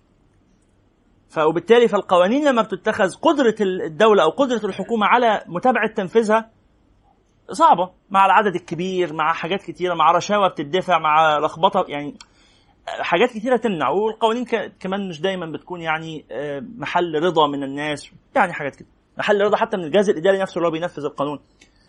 زائد ان زائد ان رد الفعل الأولي تجاه مثل هذا القرار إنه إيه؟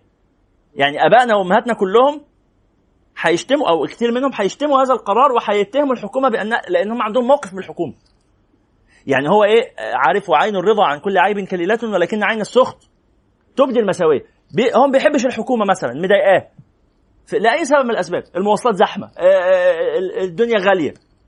فيوم أي قرار هتتخذه الحكومة بالضرورة هيبقى قرار غلط وهيبقى قرار ظالم وهيبقى قرار مفتري. حتى لو كان قرار صحيح هو ما عندوش قدرة على التحليل المنطقي للحكم على هذا القرار جزئيا إن الحكومة أخذت قرار صح أو بيكرهه أو واحد تاني أو واحد تاني بيحب الحكومة جدا فحتى لو الحكومة عملت حاجة غلط هم ما بيغلطوش.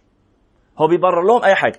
على سبيل المثال موضوع صوت الميكروفونات مثلا. إن الحكومة قالت قرار إن الصلاة تكون في الميكروفون الداخلي وما تصلوش في الميكروفون الخارجي خصوصا في صلاة الفجر. قرار حكيم 100% قرار حكيم 100% في ناس مرضى في البيوت مش قادرين ينزلوا يقوموا يصلوا. هيصلوا ويناموا تاني. ها؟ في نساء مش واجب عليها الصلاة في أطفال. فتصلي أنت في الميكروفون الخارجي وتزعج الناس حرام. ليه؟ لا يجوز هذا. أنت بتصلي باللي قاعدين مش بتصلي بالناس اللي في البيوت. فالقرار حكيم. لكن الناس يعتبروا إن القرار ده حرب لله ورسوله. يعني مش موضوعنا أصلا أنا بقول الكلام ده دلوقتي ها حد هيسمع التسجيل فيقول إيه؟ هم دول مشايخ الأزهر المبرراتية اللي بيبرروا الحكومة ما أنتوا كلكم كده. هنعمل له إيه؟ أشتم الحكومة دلوقتي. أشتم الحكومة. ما الناحية الثانية ما هو يعني ما هو أنا مش عايزين نرضي حد. إحنا في النهاية لم أجلس في هذا المجلس عشان خاطر الناس ترضى ولا عشان الحكومة ترضى. الشيخ الغزالي الله يرحمه كان بيقول كلمة جميلة قوي كان بيقول إرهاب العوام أشد من إرهاب الحكام. إرهاب العوام أشد من إرهاب الحكام. إن هو بيغازل الجماهير. يقول كلام يرضي الجماهير. لا نرضي أحدا في الله عز وجل بقدر ما نستطيع. طبعا مسألة النوايا دي مسألة صعبة جدا يعني. يبقى الشرط الثالث العدد قال فلا تنعقد بأقل من أربعين ذكورا مكلفين أحرارا مقيمين لا يضعنون شتاء ولا صيفا. يعني لا يرحلون ليسوا في ناس بيقعدوا في المكان في الصيف ويمشوا منه في الشتاء أو يقعدوا في الشتاء ويمشوا منه في الصيف. فقال لا يضعنون شتاء ولا صيفا. فإن انفضوا حتى نقص العدد إما في الخطبة أو في الصلاة لم تصح الجمعة بل لابد منهم اللي هم الأربعين بالشروط دي كلها من آه الأول إلى الآخر. حد عنده سؤال؟ نعم ال 40 هو يعني السؤال هو الشيخ حددها بناء على إيه؟ ال 40 ال 40 مش الشيخ اللي حددها، ال 40 أخذت من آه، ما جاء عن رسول الله صلى الله عليه وسلم في اشتراط هذا العدد. صح هذا في بعض الروايات عن رسول الله صلى الله عليه وسلم، نعم. والحته الثانية حضرتك اديت مثال لما رحت الخطبه لو العكس في الغرب بيبقى تاون كامله وما يكملوش 20 آه هنا بقى في مسألة موضوع الغرب المسلمين اللي بيصلوا فيه أو المقيمين في بلاد الكفر أو في آه، بلاد الغرب ربما الولاية كبيرة جدا لكن كل المسلمين اللي فيها من أولهم لآخرهم ما يجوش 10 مسلمين. فدول كده وضعهم إيه؟ عند الشافعية لا تجب عليهم الجمعة.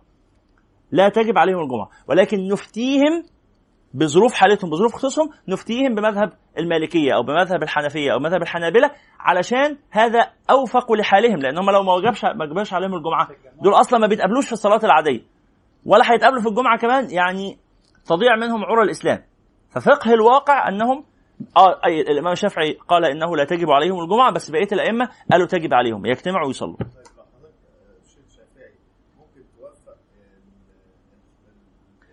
طب لو أنا شيخ شافعي في هذا المكان ماذا أفعل؟ أجمع الناس وأخطب بهم وأصلي ركعتين صلاة الجمعة ثم أصلي بعدها الظهر.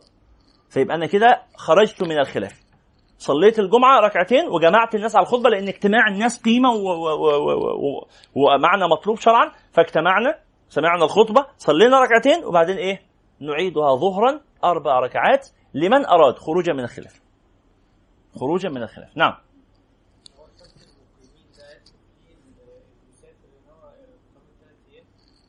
آه من أخويا بيقول لي طب المسافر لو واحد رايح مثلا مصيف. واحد رايح مصيف. نوى الإقامة فيه أكثر من ثلاثة أيام. هل يبقى اسمه مقيم؟ لا في هذا التعريف ما يبقاش اسمه مقيم. هو لا يجوز له القصر. في باب القصر والجمع لا يجوز له القصر لأنه نوى الإقامة أكثر من ثلاثة أيام يعني أربعة فأكثر لا يجوز له قصر الصلاة ولا جمعها ولكن المقيم اللي هو بيتكلم عليه هنا اللي هو مستقر في المكان اللي هو صاحب مكان لا يرحل عنه صيفا ولا شتاء. إلا لحاجة. مين ده؟ آه تجب عليه الجمعة بس ما يتحسبش من العدد. الشيخ مش حي... آه، آه، آه، حاجة حاجة بس لحظة. الشيخ هيعرف منين مين اللي تجب عليه ومين اللي ما تجبش؟ لو كانوا 40 بالظبط يبقى هيسألهم. لو كانوا 40 بالظبط يقول يا جماعة مين هنا متحققة فيه الشروط التالية أن يكون مقيما مسل... آه، آه، آه، حرا طبعا فيش في زماننا عبيد فمش هيسأل الشرط ده كده كده متحقق. فمين مقيم؟ بالغ برضو هيعرف بالهيئة بالشكل. مش هيسأل مين بالغ مين مش بالغ. لأن الناس الموجودين إيه؟ كلهم ناس يعني أربعينات وخمسينات. بالغ دي يعني حصلت من زمان قوي يعني. خلاص. فهيعرف شرط البلوغ وهيعرف شرط الإسلام وهيعرف شرط الحرية. كل ده معروف. ففاضل له شرط إيه اللي ممكن يتلخبط فيه؟ الإقامة. في حد هنا يا جماعة مش من أهل البلد؟ آه شوية. أهم. خمسة ستة. واللي قاعدين يجي 100 واحد خلاص. لو اللي قاعدين عدد متكاثر مش محتاج يسأل خلاص إحنا في في مسجد القرية إحنا ولا في مسجد البلد إحنا كلنا عارفين بعض. أكيد يعني في 40 ده اللي بيصلوا في الجامع ده 2000 واحد. فأكيد فيهم 40 من أهل البلد فمش محتاج يسأل في هذه الحالة. طيب في سؤال آخر فقهي بيقول انه الذي يقيم في مكان أكثر من ثلاثة أيام هل تجب عليه الجمعة؟ نعم تجب عليه الجمعة. هل يحسب من العدد؟ لا لا يحسب من العدد. لا يحسب من العدد لأن شرط العدد هنا المقيم إيه؟ إقامة دائمة. إقامة دائمة مش معناها ما بيسافرش لا ممكن بيسافر بس بيسافر ليقضي حاجة ثم يعود. مش بينقل إقامته. فاهمين؟ في ناس بيقعدوا في المكان ده في, الص... في البدو مثلا يقعدوا في الحتة دي في الصيف وفي الشتاء ينتقلوا إلى بلد أخرى. البلد كلها بتنقل. هل الفكرة واضحة؟ أصل الإقامة أصلا شرط الانعقاد مش شرط الصلاة. بالظبط بالظبط كده. الإقامة شرط ال... ال... الإقامة في المكان شرط ل... لتنعقد الجمعة بهؤلاء. هو التكييف اللي عندكم ورا ده مش شغال؟ شغال؟ إيه؟ طيب الجو ساقع عندكم. طيب أختنا لو اللي حاسس بالحر يرجع خطوة لورا أو يجي خطوة لقدام. هنا المكان ده بارد والمكان ورا بارد. عشان تكونوا في راحة جميعا. واللي حاسس بالبرد في الحتة اللي هو فيها برضه خطوة لقدام أو خطوة لورا. أهو الناس دي بتنتقل ها صيفا وشتاء برودة ودفئا. تصح منهم الجمعة؟ نعم لأن انتقالهم ما بين الصفوف يعني يتقدموا صفين أو يتأخروا صفين. تصح منهم الجمعة لكن هم أصلا ما يحسبوش من العدد. نساء كده كده. ما يحسبوش من العدد. تجب عليهم؟ لا ما تجبش عليهم. ما تجبش عليهم. لا أنت بذلك لم تدركي البرودة. اطلعي في هذا الكرسي. اطلعي خطوة قدام للكرسي. يلا صلوا على رسول الله صلى الله عليه وعلى آله. نعم. يلا.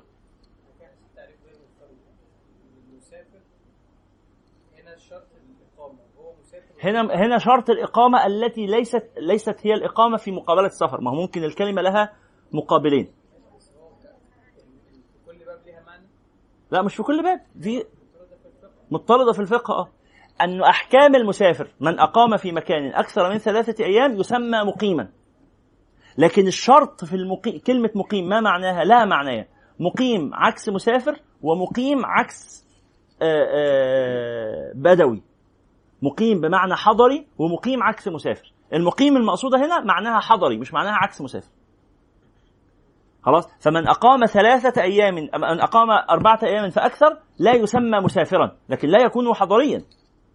البدوي البدوي قد يقيم آه، آه، آه، خمسة أيام في مكان واحد فلا يقصر الصلاة. يسمى مقيما. يسمى مقيما فلا يقصر الصلاة ولا يجمعها ولكن لا يسمى حضريا. ما زال بدويا. المسافر لا تجب عليه الجمعة. المسافر لا تجب عليه الجمعة. المسافر اللي هو لم ينوي الإقامة في مكان أكثر من ثلاثة أيام. لا تجب عليه الجمعة. اللي تجب عليه الجمعة مين المقيم ولو لم يكن آه، حضريا. يعني المقيم حضريا أو بدويا. آه، آه،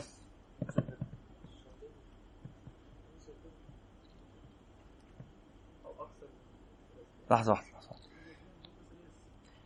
المسافر المسافر أكثر من ثلاثة أيام لا يسمى مسافرا. لا يسمى مسافرا يسمى مقيما. وهو حضري وهو حضري وإن أقام في غير الحضر فهو حضري. فإن كان في في في في, في البادية لم تجب عليه الجمعة لأنه لا تصح الجمعة في البادية. وإن كان في حضر آخر غير حضره الذي هو منه يبقى هو حضري. وتجب عليه الجمعة لأنه في حضر ولأنه ليس مسافرا.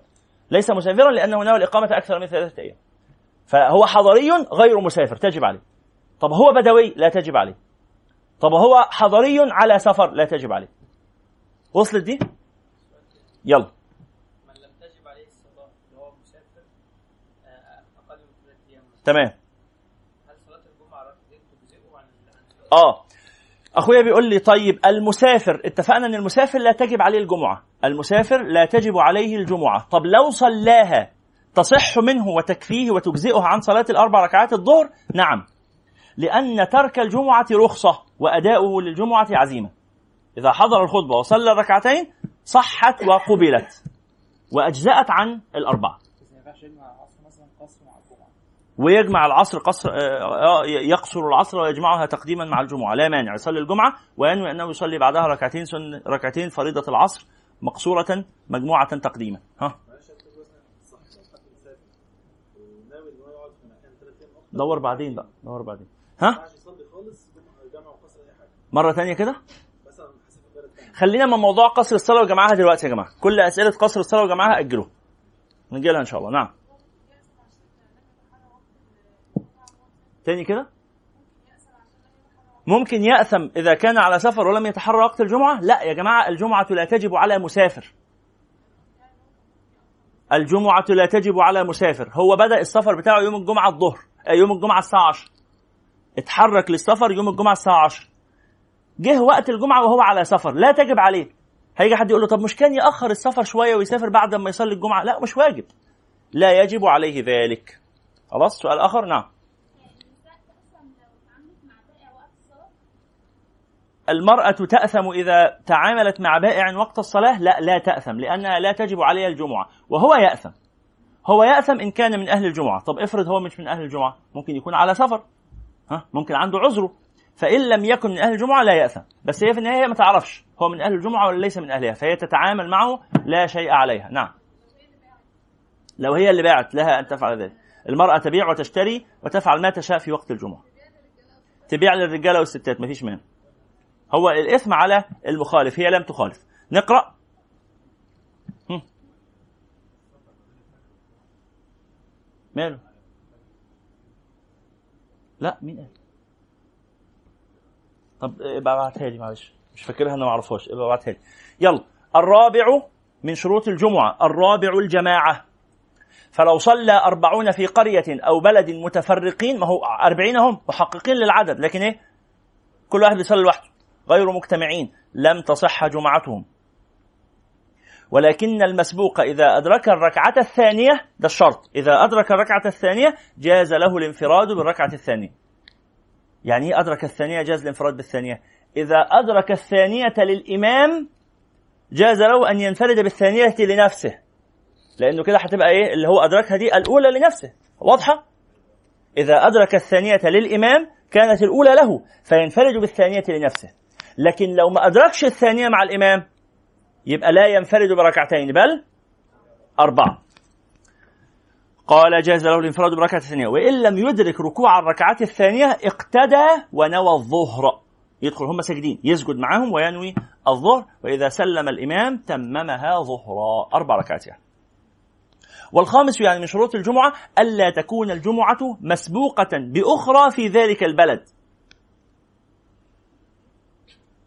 يعني؟ قال فإن تعذر اجتماعهم في جامع واحد جاز في جامعين وثلاثة وأربعة بقدر الحاجة. وإن لم تكن حاجة فالصحيح الجمعة التي يقع بها التحريم أولا وإذا تحققت الحاجة فالأفضل الصلاة خلف الأفضل من الإمامين. فإن تساويا ففي المسجد الأقدم فإن تساويا ففي الأقرب ولكثرة الناس أيضا فضل يراعى. يعني إيه الحكم ده؟ حكم مهم أوي. شبه اللي كنا بنقوله شوية. الشافعية اشترطوا أن يكون في كل بلد مسجد واحد. بلد هنا يعني إيه؟ بلد يعني مش مصر. مش مصر كلها 100 مليون هيصلوا في جامع. ولا القاهرة. ولا مدينة نصر. إنما بلد هنا معناها تجمع سكني. مربع سكني. حي صغير. مش مش مدينة ما مدينة نصر دي حي. ما هو عين شمس حي. ما هو التجمع حي. بس يضم مئات المساجد. الحي اللي بنتكلم عليه اللي هو إيه؟ المربع السكني. مجموعة عمارات قريبة من بعضها. ألا يكون في كل مجمع سكني إلا جامع واحد. ممكن تتعدد المساجد لكن الجوامع أهل المنطقة. فاهمين كلمة منطقة؟ منطقة شوية الإيه؟ العمارات اللي جنب بعض شوية الشوارع اللي حوالين بعض. منطقة. فكل منطقة فيها إيه؟ جامع واحد.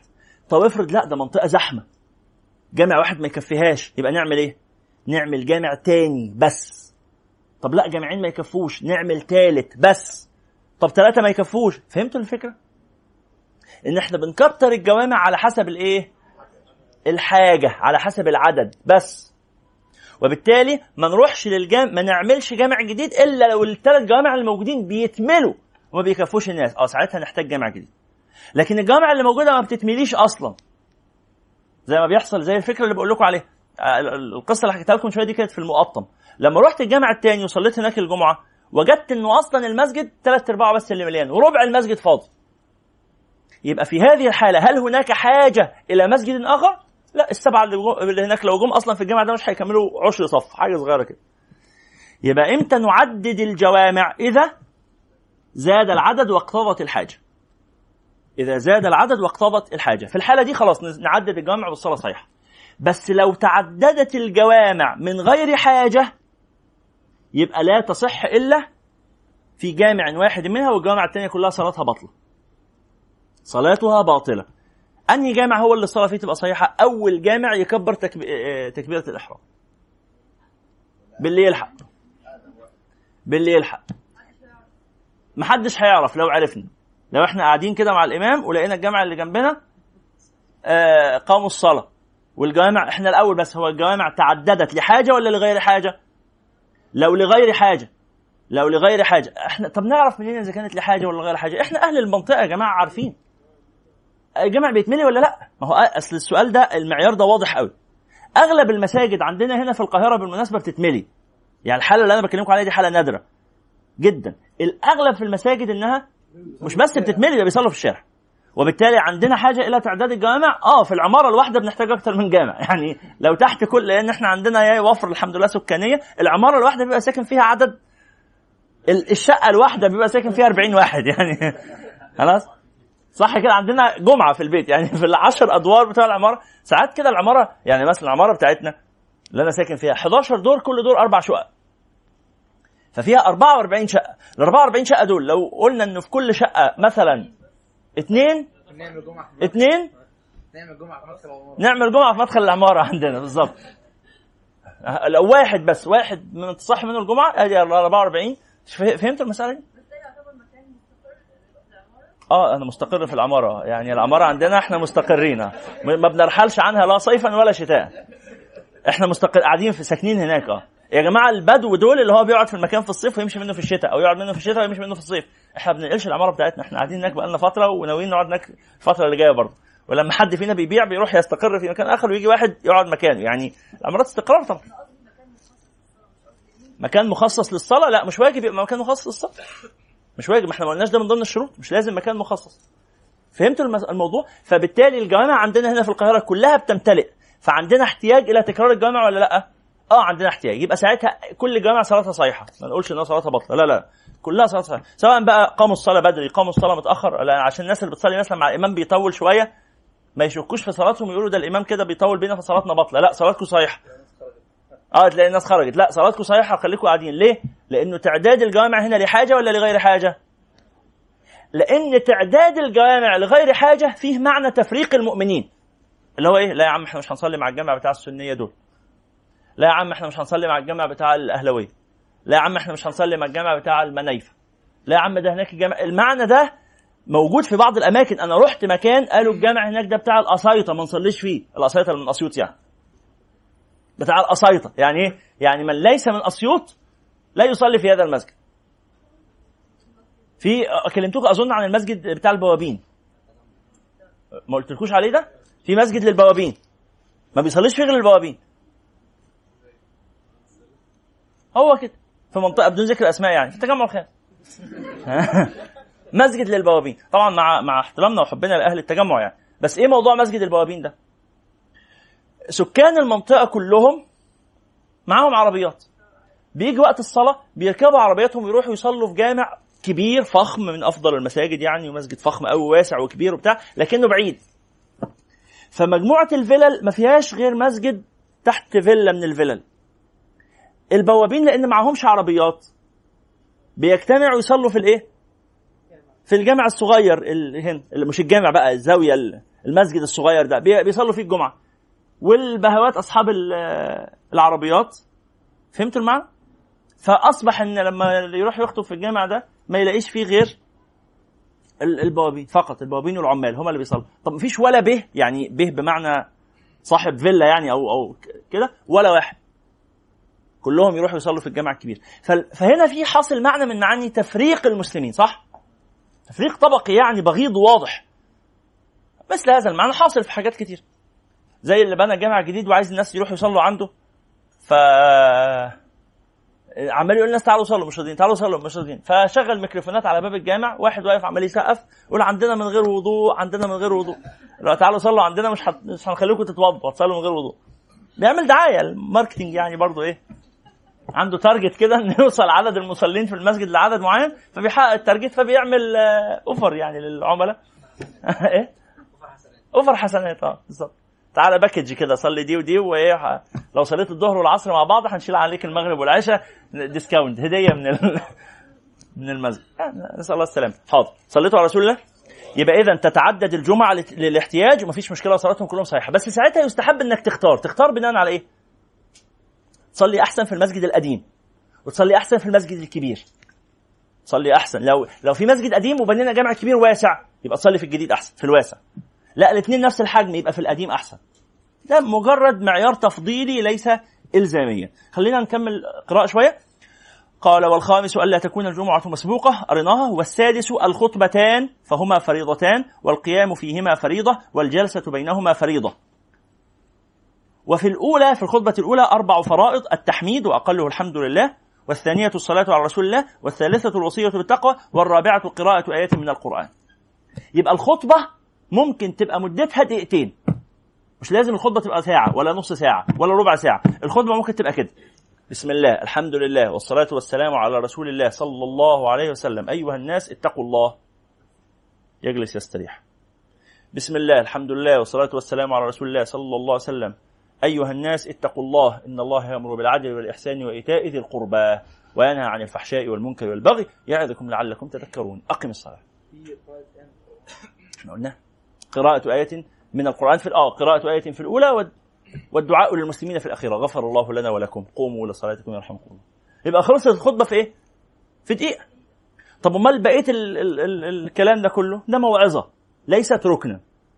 فهمنا؟ فلو خطبة مدتها خمس دقائق صحيحة. طالما إنه أتى فيها بالفرائض الأربعة اللي هي آه، حمد الله الصلاة على رسوله الوصية بتقوى الله قراءة آية من القرآن قال وكذا فرائض الخطبة الثانية أربعة إلا أنه يجب فيها الدعاء بدل القراءة. يبقى مش لازم يقرأ آية بس لازم يدعو. اللهم اغفر لنا. واستماع الخطبة واجب من الأربعين. يبقى لازم الخطبة شغالة أنت بتسمع بتنصت. فانتهى بذلك من شروط الجمعة. ثم قال وأما السنن صلوا على النبي. قال وأما السنن فإذا زالت الشمس وأذن المؤذن وجلس الإمام على المنبر انقطعت الصلاة سوى التحية. يبقى إحنا قبل الأذان ما يأذن بنصلي تصلي نوافل زي ما أنت عايز. ركعتين في ركعتين في ركعتين في ركعتين ثمان ركعات عشر ركعات. بس أول ما الإمام يطلع المنبر توقف كل الصلوات. إلا صلاة واحدة بتصليها حتى لو الإمام على المنبر. إيه هي؟ تحية المسجد. يبقى من دخل والإمام يخطب يصلي ركعتين فقط ثم يجلس. لكن دخلت قبل ما الأمام يخطب تصلي ركعتين صلي أربعة صلي ستة صلي عشرة صلي خمسين زي ما أنت عايز تصليها ركعتين ركعتين ركعتين وتسلم. خلاص؟ في سؤال؟ طيب. ثم قال والكلام لا ينقطع إلا بافتتاح الخطبة. يبقى أثناء ما الأذان بيأذن مفيش مانع إنك تكلم واحد جنبك تقول له ناولني حاجة هات حاجة. لكن أول ما بدأ الخطبة توقف كلام يحرم الكلام أثناء الخطبة. يحرم الكلام أثناء الخطبة. أنا عندي هنا سؤال بيقول لو فاتته الجمعة بسبب سفر مع الطائرة هل عليه إثم؟ لا قلنا المسافر لا تجب عليه الجمعة، لا تجب ليس عليه إثم، يصلي الظهر. هل يصليها ظهرا؟ أه يصليها ظهر. في بلد أجنبي غير مسلم سواء كان في بلد أجنبي أو في بلد مسلم، المسافر لا تجب عليه الجمعة. طيب. ثم قال ويسلم الخطيب على الناس إذا أقبل عليهم بوجهه ويردون عليه السلام، لما تطلع تخطب أول حاجة تقول إيه؟ السلام عليكم ورحمة الله وبركاته، يوم الناس يقول لك وعليكم السلام ورحمة الله وبركاته، يوم المؤذن يؤذن. فإذا فرغ المؤذن قام مقبلا على الناس بوجهه. ما تقومش تخطب الخطبة وانت إيه؟ بصت شمال ولا بص يمين؟ تقبل على الناس بوجهك.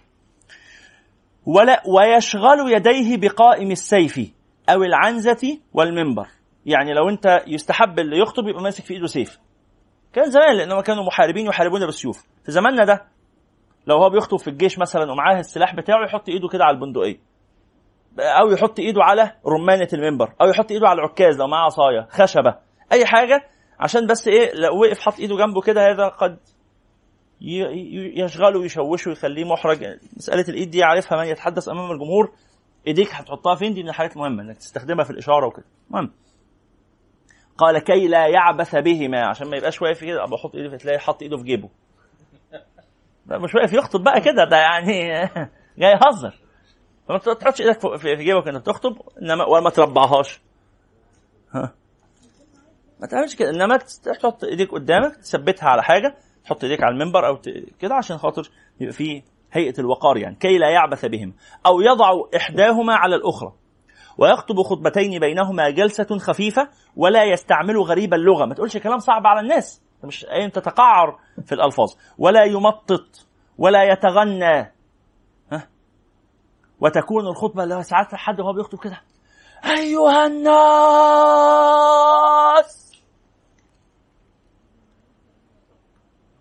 أيها الناس! أنا ببقى قاعد نعم. يوم يقول لي أيها يا عم أنا خلاص جيت يا عم. أيها الناس! والله كنت بسمع خطبة من كام يوم في إذاعة القرآن الكريم كانت معايا مراتي. فالراجل عمال يعمل العمايل الصعبة قوي دي. بقول له مراتي هو كده يعني بيعمل إيه يعني؟ الناس كده بتركز معاه يعني في العمايل اللي هو بيعملها الصعبة قوي دي كده. عمال يمطط وينادي بعلو صوته. ما إحنا سامعين يا عم. الميكروفون شغال وما شاء الله صوتك يعني خرم ودني. لا مانع من رفع الصوت بس رفع الصوت إيه؟ للتنبيه. للتنبيه على قدر ما يسمع الناس. يا جماعة نركز الموضوع مهم مثلا. مفيش مانع. لكن النداءات اللي بي ساعات ينادوا بيها كده والطريقة وال... ليست من السنة. قال ولا يمطط ولا يتغنى وتكون الخطبة قصيرة. قصيرة نفسي ابعت الكلمة دي والله لكثير من الأئمة. قصيرة كفاية ربع ساعة كفاية تلت ساعة. النبي صلى الله عليه وسلم يقول إن من فقه الرجل قصر خطبته وطول صلاته. الخطبة تبقى قصيرة والصلاة طويلة. لكن يقعدوا يخطبوا ساعة وأنا قاعد. والمشكلة ما بيقولش حاجة هو عمال يرغي في أي حاجة. وأنا يا عم عايز امشي. عايز امشي. بس ربنا فرض عليا أجي اسمعك. طب هعمل إيه؟ خلاص. في اصحابي بيصعبوا عليا من العلماء الكبار. أساتذتي. عالم كبير جدا بس ما بيخطبش الجمعة. عالم في أي مجال. عالم مثلا في هندسة عالم في حتى أحيانا يبقى أستاذ في كلية شريعة بس ما بيخطبش الجمعة. لأي سبب. فربنا يبتليه يروح يحضر الخطبة مع خطيب جاهل وما أكثر الخطباء الجهلة. ف... طب ده مكلف شرعا إنه يحضر الخطبة. والله العظيم بيصعب عليه لأن أحيانا الخطباء. أو كتير من الخطباء بيقعد يقول حاجات قصص أحاديث موضوعة وآيات بيقراها غلط وقصص ما أنزل الله بها من سلطان وما شمش ريحة العلم ونوح عليه السلام ركب السفينة ومر بالبلاد وكلما وصل إلى بلد وجد عليها حارسا من الملائكة إلا بلد واحدة لم يجد عليها حارسا. فسأل أي بلد هذه؟ قال ربنا إنها مصر إنها مصر وقد مش معتبهاش الملائكة لا الله يسامحك. انها مصر وقد جعلت لكل بلد حارسا إلا هذه البلد فقد تكفلت بحفظها. يوم الناس الله ومن قاعد أنا قاعد يا عم ما فيش حديث كده والله. النبي ما ولا في اي حد من العلماء قال الحديث اللي انت بتقوله ده. ده بيتباع في واتساب بس حديث موضوع حديث مصر عظيمة وكل حاجة بس مش بالأحاديث الباطلة. مش هنألف أحاديث من دماغنا. النبي ما قالش كده. بس إيه؟ بيجيب مع الناس. الكلام ده. أنتوا الكلام صليتوا على رسول الله؟ صلى الله عليه وعلى آله وصحبه وسلم. يبقى ما فيش داعي. فيش داعي. إنما الخطيب يخطب بالكلام زي ما بيتكلم بيلقي كلمه يلقي كلام يبقى يتكلم شوية عادي شوية صوت واطي شوية يعلي صوته شوية زي ما بنتكلم مع البشر كده. في حد تخيل كده انت قاعد تتكلم مع واحد من أول القعده الاخيره آه محمد! لماذا تفعل يا عم في إيه؟ يا عم بالراحة. عايزين بنتكلم من كده ما تعملش كده. يبقى لما تطلع تخطب بالناس اتكلم معاهم. ماشي؟ اتكلم معاهم. اتكلم معاهم شوية بالعامية شوية بخ... حتى تلتزم الفصحى مفيش مانع. يعني لأن إذا جعلت الدرس كله بلغة الفصحى تفهمونني صحيح؟ لا مانع. لا مانع من التزام الحديث بالفصحى يعني ليس كلامنا عمن يلتزم الفصحى. إنما الكلام عن من يتشدق بلغة مسرحية لا تصلح للحديث بين البشر. هو قائم يبلغهم كلام الله عز وجل يبلغهم إياه بلغة مفهومة قريبة منهم. إن شاء بالفصحى فخير وبركة. إن أدخل فيها بعض الألفاظ العامية فلا بأس طبعا الأفضل أن يلتزم بالفصحى. ولكن المقصود في الفصحى هي الفصحى التي يسميها أهل اللغة بفصحى المثقفين أو فصحى الإعلاميين. الفصحى الإيه؟ القريبة من الناس الفصحى المفهومة للناس من غير تقعر ولا تمطيط بالصوت ولا آه، شيء من هذا. حتى العامية تبقى عاميه مثقفة. يعني حتى العامية تبقى عامية برضه شريفة ما تبقاش عامية وضيعة. بص يا برنس. أنا أنا تجديد الخطاب الديني. أه، بص يا أستاذ أنت وهو. بهوات. قشطة يا باشا. ركز معايا كده. عندنا حديثين نخلصهم وآيتين ونتوكل على الله. لا لا ما هو كده برضه ده ابتذال. ده ابتذال. إنما حوار راقي. إن كان بالعامية تبقى عامية رفيعة وإن كان بالفصحى تبقى فصحى آه، بسيطة مفهومة للناس ويبقى الكلام مفهوم يعني. قال ولا يستعمل غريب اللغة ولا يمطط ولا يتغنى. وتكون الخطبة قصيرة قصيرة بليغة كلامها واضح مؤثر مختصر. جامعة تجمع معاني الخير ويستحب أن يقرأ آية في الركعة الثانية أيضا. يبقى آية في الركعة الأولى وآية في الركعة الثانية على الأقل. في الخطبة قصد. ويستحب أن يقرأ آية في الثانية يعني في الخطبة الثانية. ولا يسلم من دخل والخطيب يخطب. فإن سلم لم يستحق جوابا. إحنا قاعدين بنصلي الجمعة. واحد داخل السلام عليكم. وعليكم السلام. اتفضل. ده بقت قهوة كده. السلام عليكم ورحمة الله وبركاته. تردش عليه في مواضع يستحب فيها ترك السلام. اللي حضر معانا حد حضر معانا الدرس يوم ال الدرس اللي فات ده. إحنا قلناها كتير. آه. مواضع يستحب فيها ترك السلام. قلناها آخر حاجة في الدرس بتاع يوم السبت اللي فات ده اللي عايز يبقى يسمعها. كنا بنتكلم على آداب الحديث بين آداب العلاقة بين الرجال والنساء أو آداب الاختلاط فقلنا إن من المواضع اللي يستحب فيها عدم السلام سلام الرجل على المرأة المنفردة وسلام المرأة المنفردة المنفردة على الرجل وتسع مواضع عشر مواضع. ذكرنا عشرة مواضع يستحب فيها ترك السلام. هتلاقوها محاضرة مرفوعة بعنوان آه العلاقة بين الجنسين أو ضابط العلاقة بين الرجال والنساء. مجلس ما لا يسعى المسلم جهله في دورة التزكية. في دورة التزكية. إيه؟ لا لا في الدورة الدورة اللي بتاعت يوم السبت اللي فات دي. السبت مساء. السبت آه السبت العصر. السبت العصر. في دورة ما لا يسع المسلم جهله. اسمها ضوابط العلاقة بين الجنسين. احتمال يكونوا ما رفعوهاش. احتمال آه لأنه عاملين التسجيلات خاصة بالإدارة. هتترفع بعد شهر. يعني بعد شهر من دلوقتي هتعملوا بحث عليها في ساوند كلاود هتلاقوها. ضوابط العلاقة بين الرجال والنساء. اتكلمنا عليها على المسألة دي. خلاص؟ واللي عايزها ياخدها على فلاشة من الإدارة هتلاقوها متوفرة يعني. ثم قال ولا يسلم من دخل والخطيب يخطب فإن سلم لم يستحق جوابا ما تردش عليه. والإشارة بالجواب حسن. يعني لا بأس لو واحد قال السلام عليكم برضو إيه ما تتجاهلوش تمام مفيش مانع إنك إيه تشير وهكذا إنك يعني قبلت السلام. ولا يشمت العاطس. واحد عطس فقال الحمد لله. ما تقولوش يرحمكم الله. إنما تدعو له في سرك أن يرحمه الله. في سرك ولا تجهر بذلك. ثم قال وهذه شروط الصحة. فأما شروط الوجوب فلا تجب الجمعة إلا على كل ذكر لا تجب على النساء بالغ فلا تجب على الصبيان عاقل فلا تجب على المجنون مسلم فلا تجب على الكافر حر فلا تجب على العبد مقيم في قرية أو بلد تشمل, تشتمل على أربعين جامعين لهذه الصفات أو في قرية من سواد البلد يبلغها نداء البلد من طرف يليها والأصوات ساكنة والمؤذن رفيع الصوت لقوله صلى الله لقوله عز وجل إذا نودي للصلاة من يوم الجمعة فاسعوا إلى ذكر. يبقى الناس اللي بيسمعوا الخطبة يروحوا يلبوا. طب افرض واحد ساكن بعيد شوية عن الجامع طالما بيبلغه الصوت يروح يلبي في زماننا ده أصبح يبلغ الصوت بالميكروفونات وبال... وبالراديو وبالإذاعة يبلغ الصوت. فإذا كان قريبا من المسجد وجب أن يلبي هي دي شروط الوجوب. يبقى من فقد شيئا منها واحد مقيم لوحده في حتة بعيدة جدا عن الجامع في بلد في مكان مش بلد أصلا ليس حضريا يبقى لا تجب عليه الجمعة. ثم قال ويرخص لهؤلاء في ترك الجمعة لعذر المطر والوحل. الدنيا بتمطر الأرض كلها طينة. لو خرجوا هيتزحلقوا ويتكسروا وبتاع يبقى لا يجب عليه. أو حتى مش هيتكسروا بس إيه هدومهم هتتبهدل جامد بالطين. يبقى في هذه الحالة يصلون في بيوتهم أو في المساجد القريبة منهم مش لازم يتوجهوا إلى الجامع الذي يجمع الناس. ثم قال آه، آه، ويرخص لهؤلاء في ترك الجمعة لعذر المطر والوحل والفزع. خايفين في مظاهرات في البلد. في اضطرابات. الناس لو نزلت من بيوتها ممكن تتعرض لل- للسرقة أو للنهب. الوضع مش مستقر. في انفلات أمني. في مثل هذه الأحوال أصلي في بيتك وما تعرضش نفسك للخطر.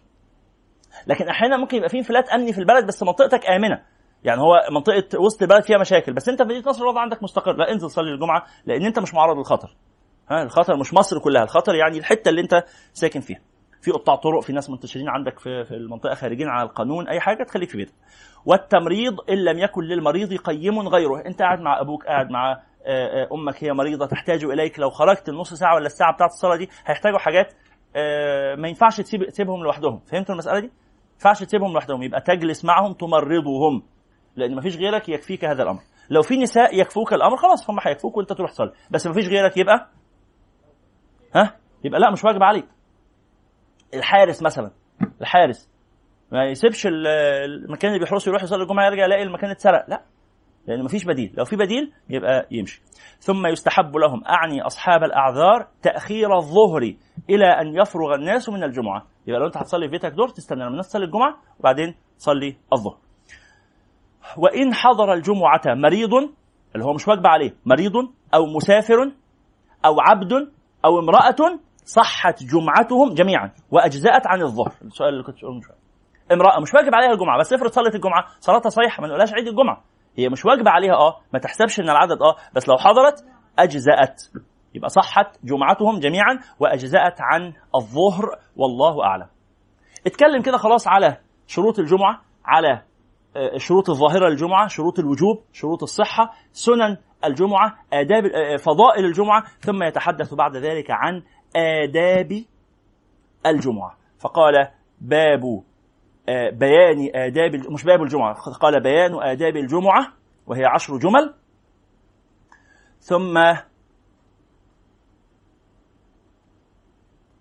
ذكر بعدها باب الآداب والسنن الخارجة عن الترتيب السابق الذي يعم جميع النهار. يبقى مش وقت الجمعة بس. يبقى أتكلم عن الآداب المتعلقة بالجمعة فقط وهي عشرة. ثم آداب يوم الجمعة كله وهي سبعة.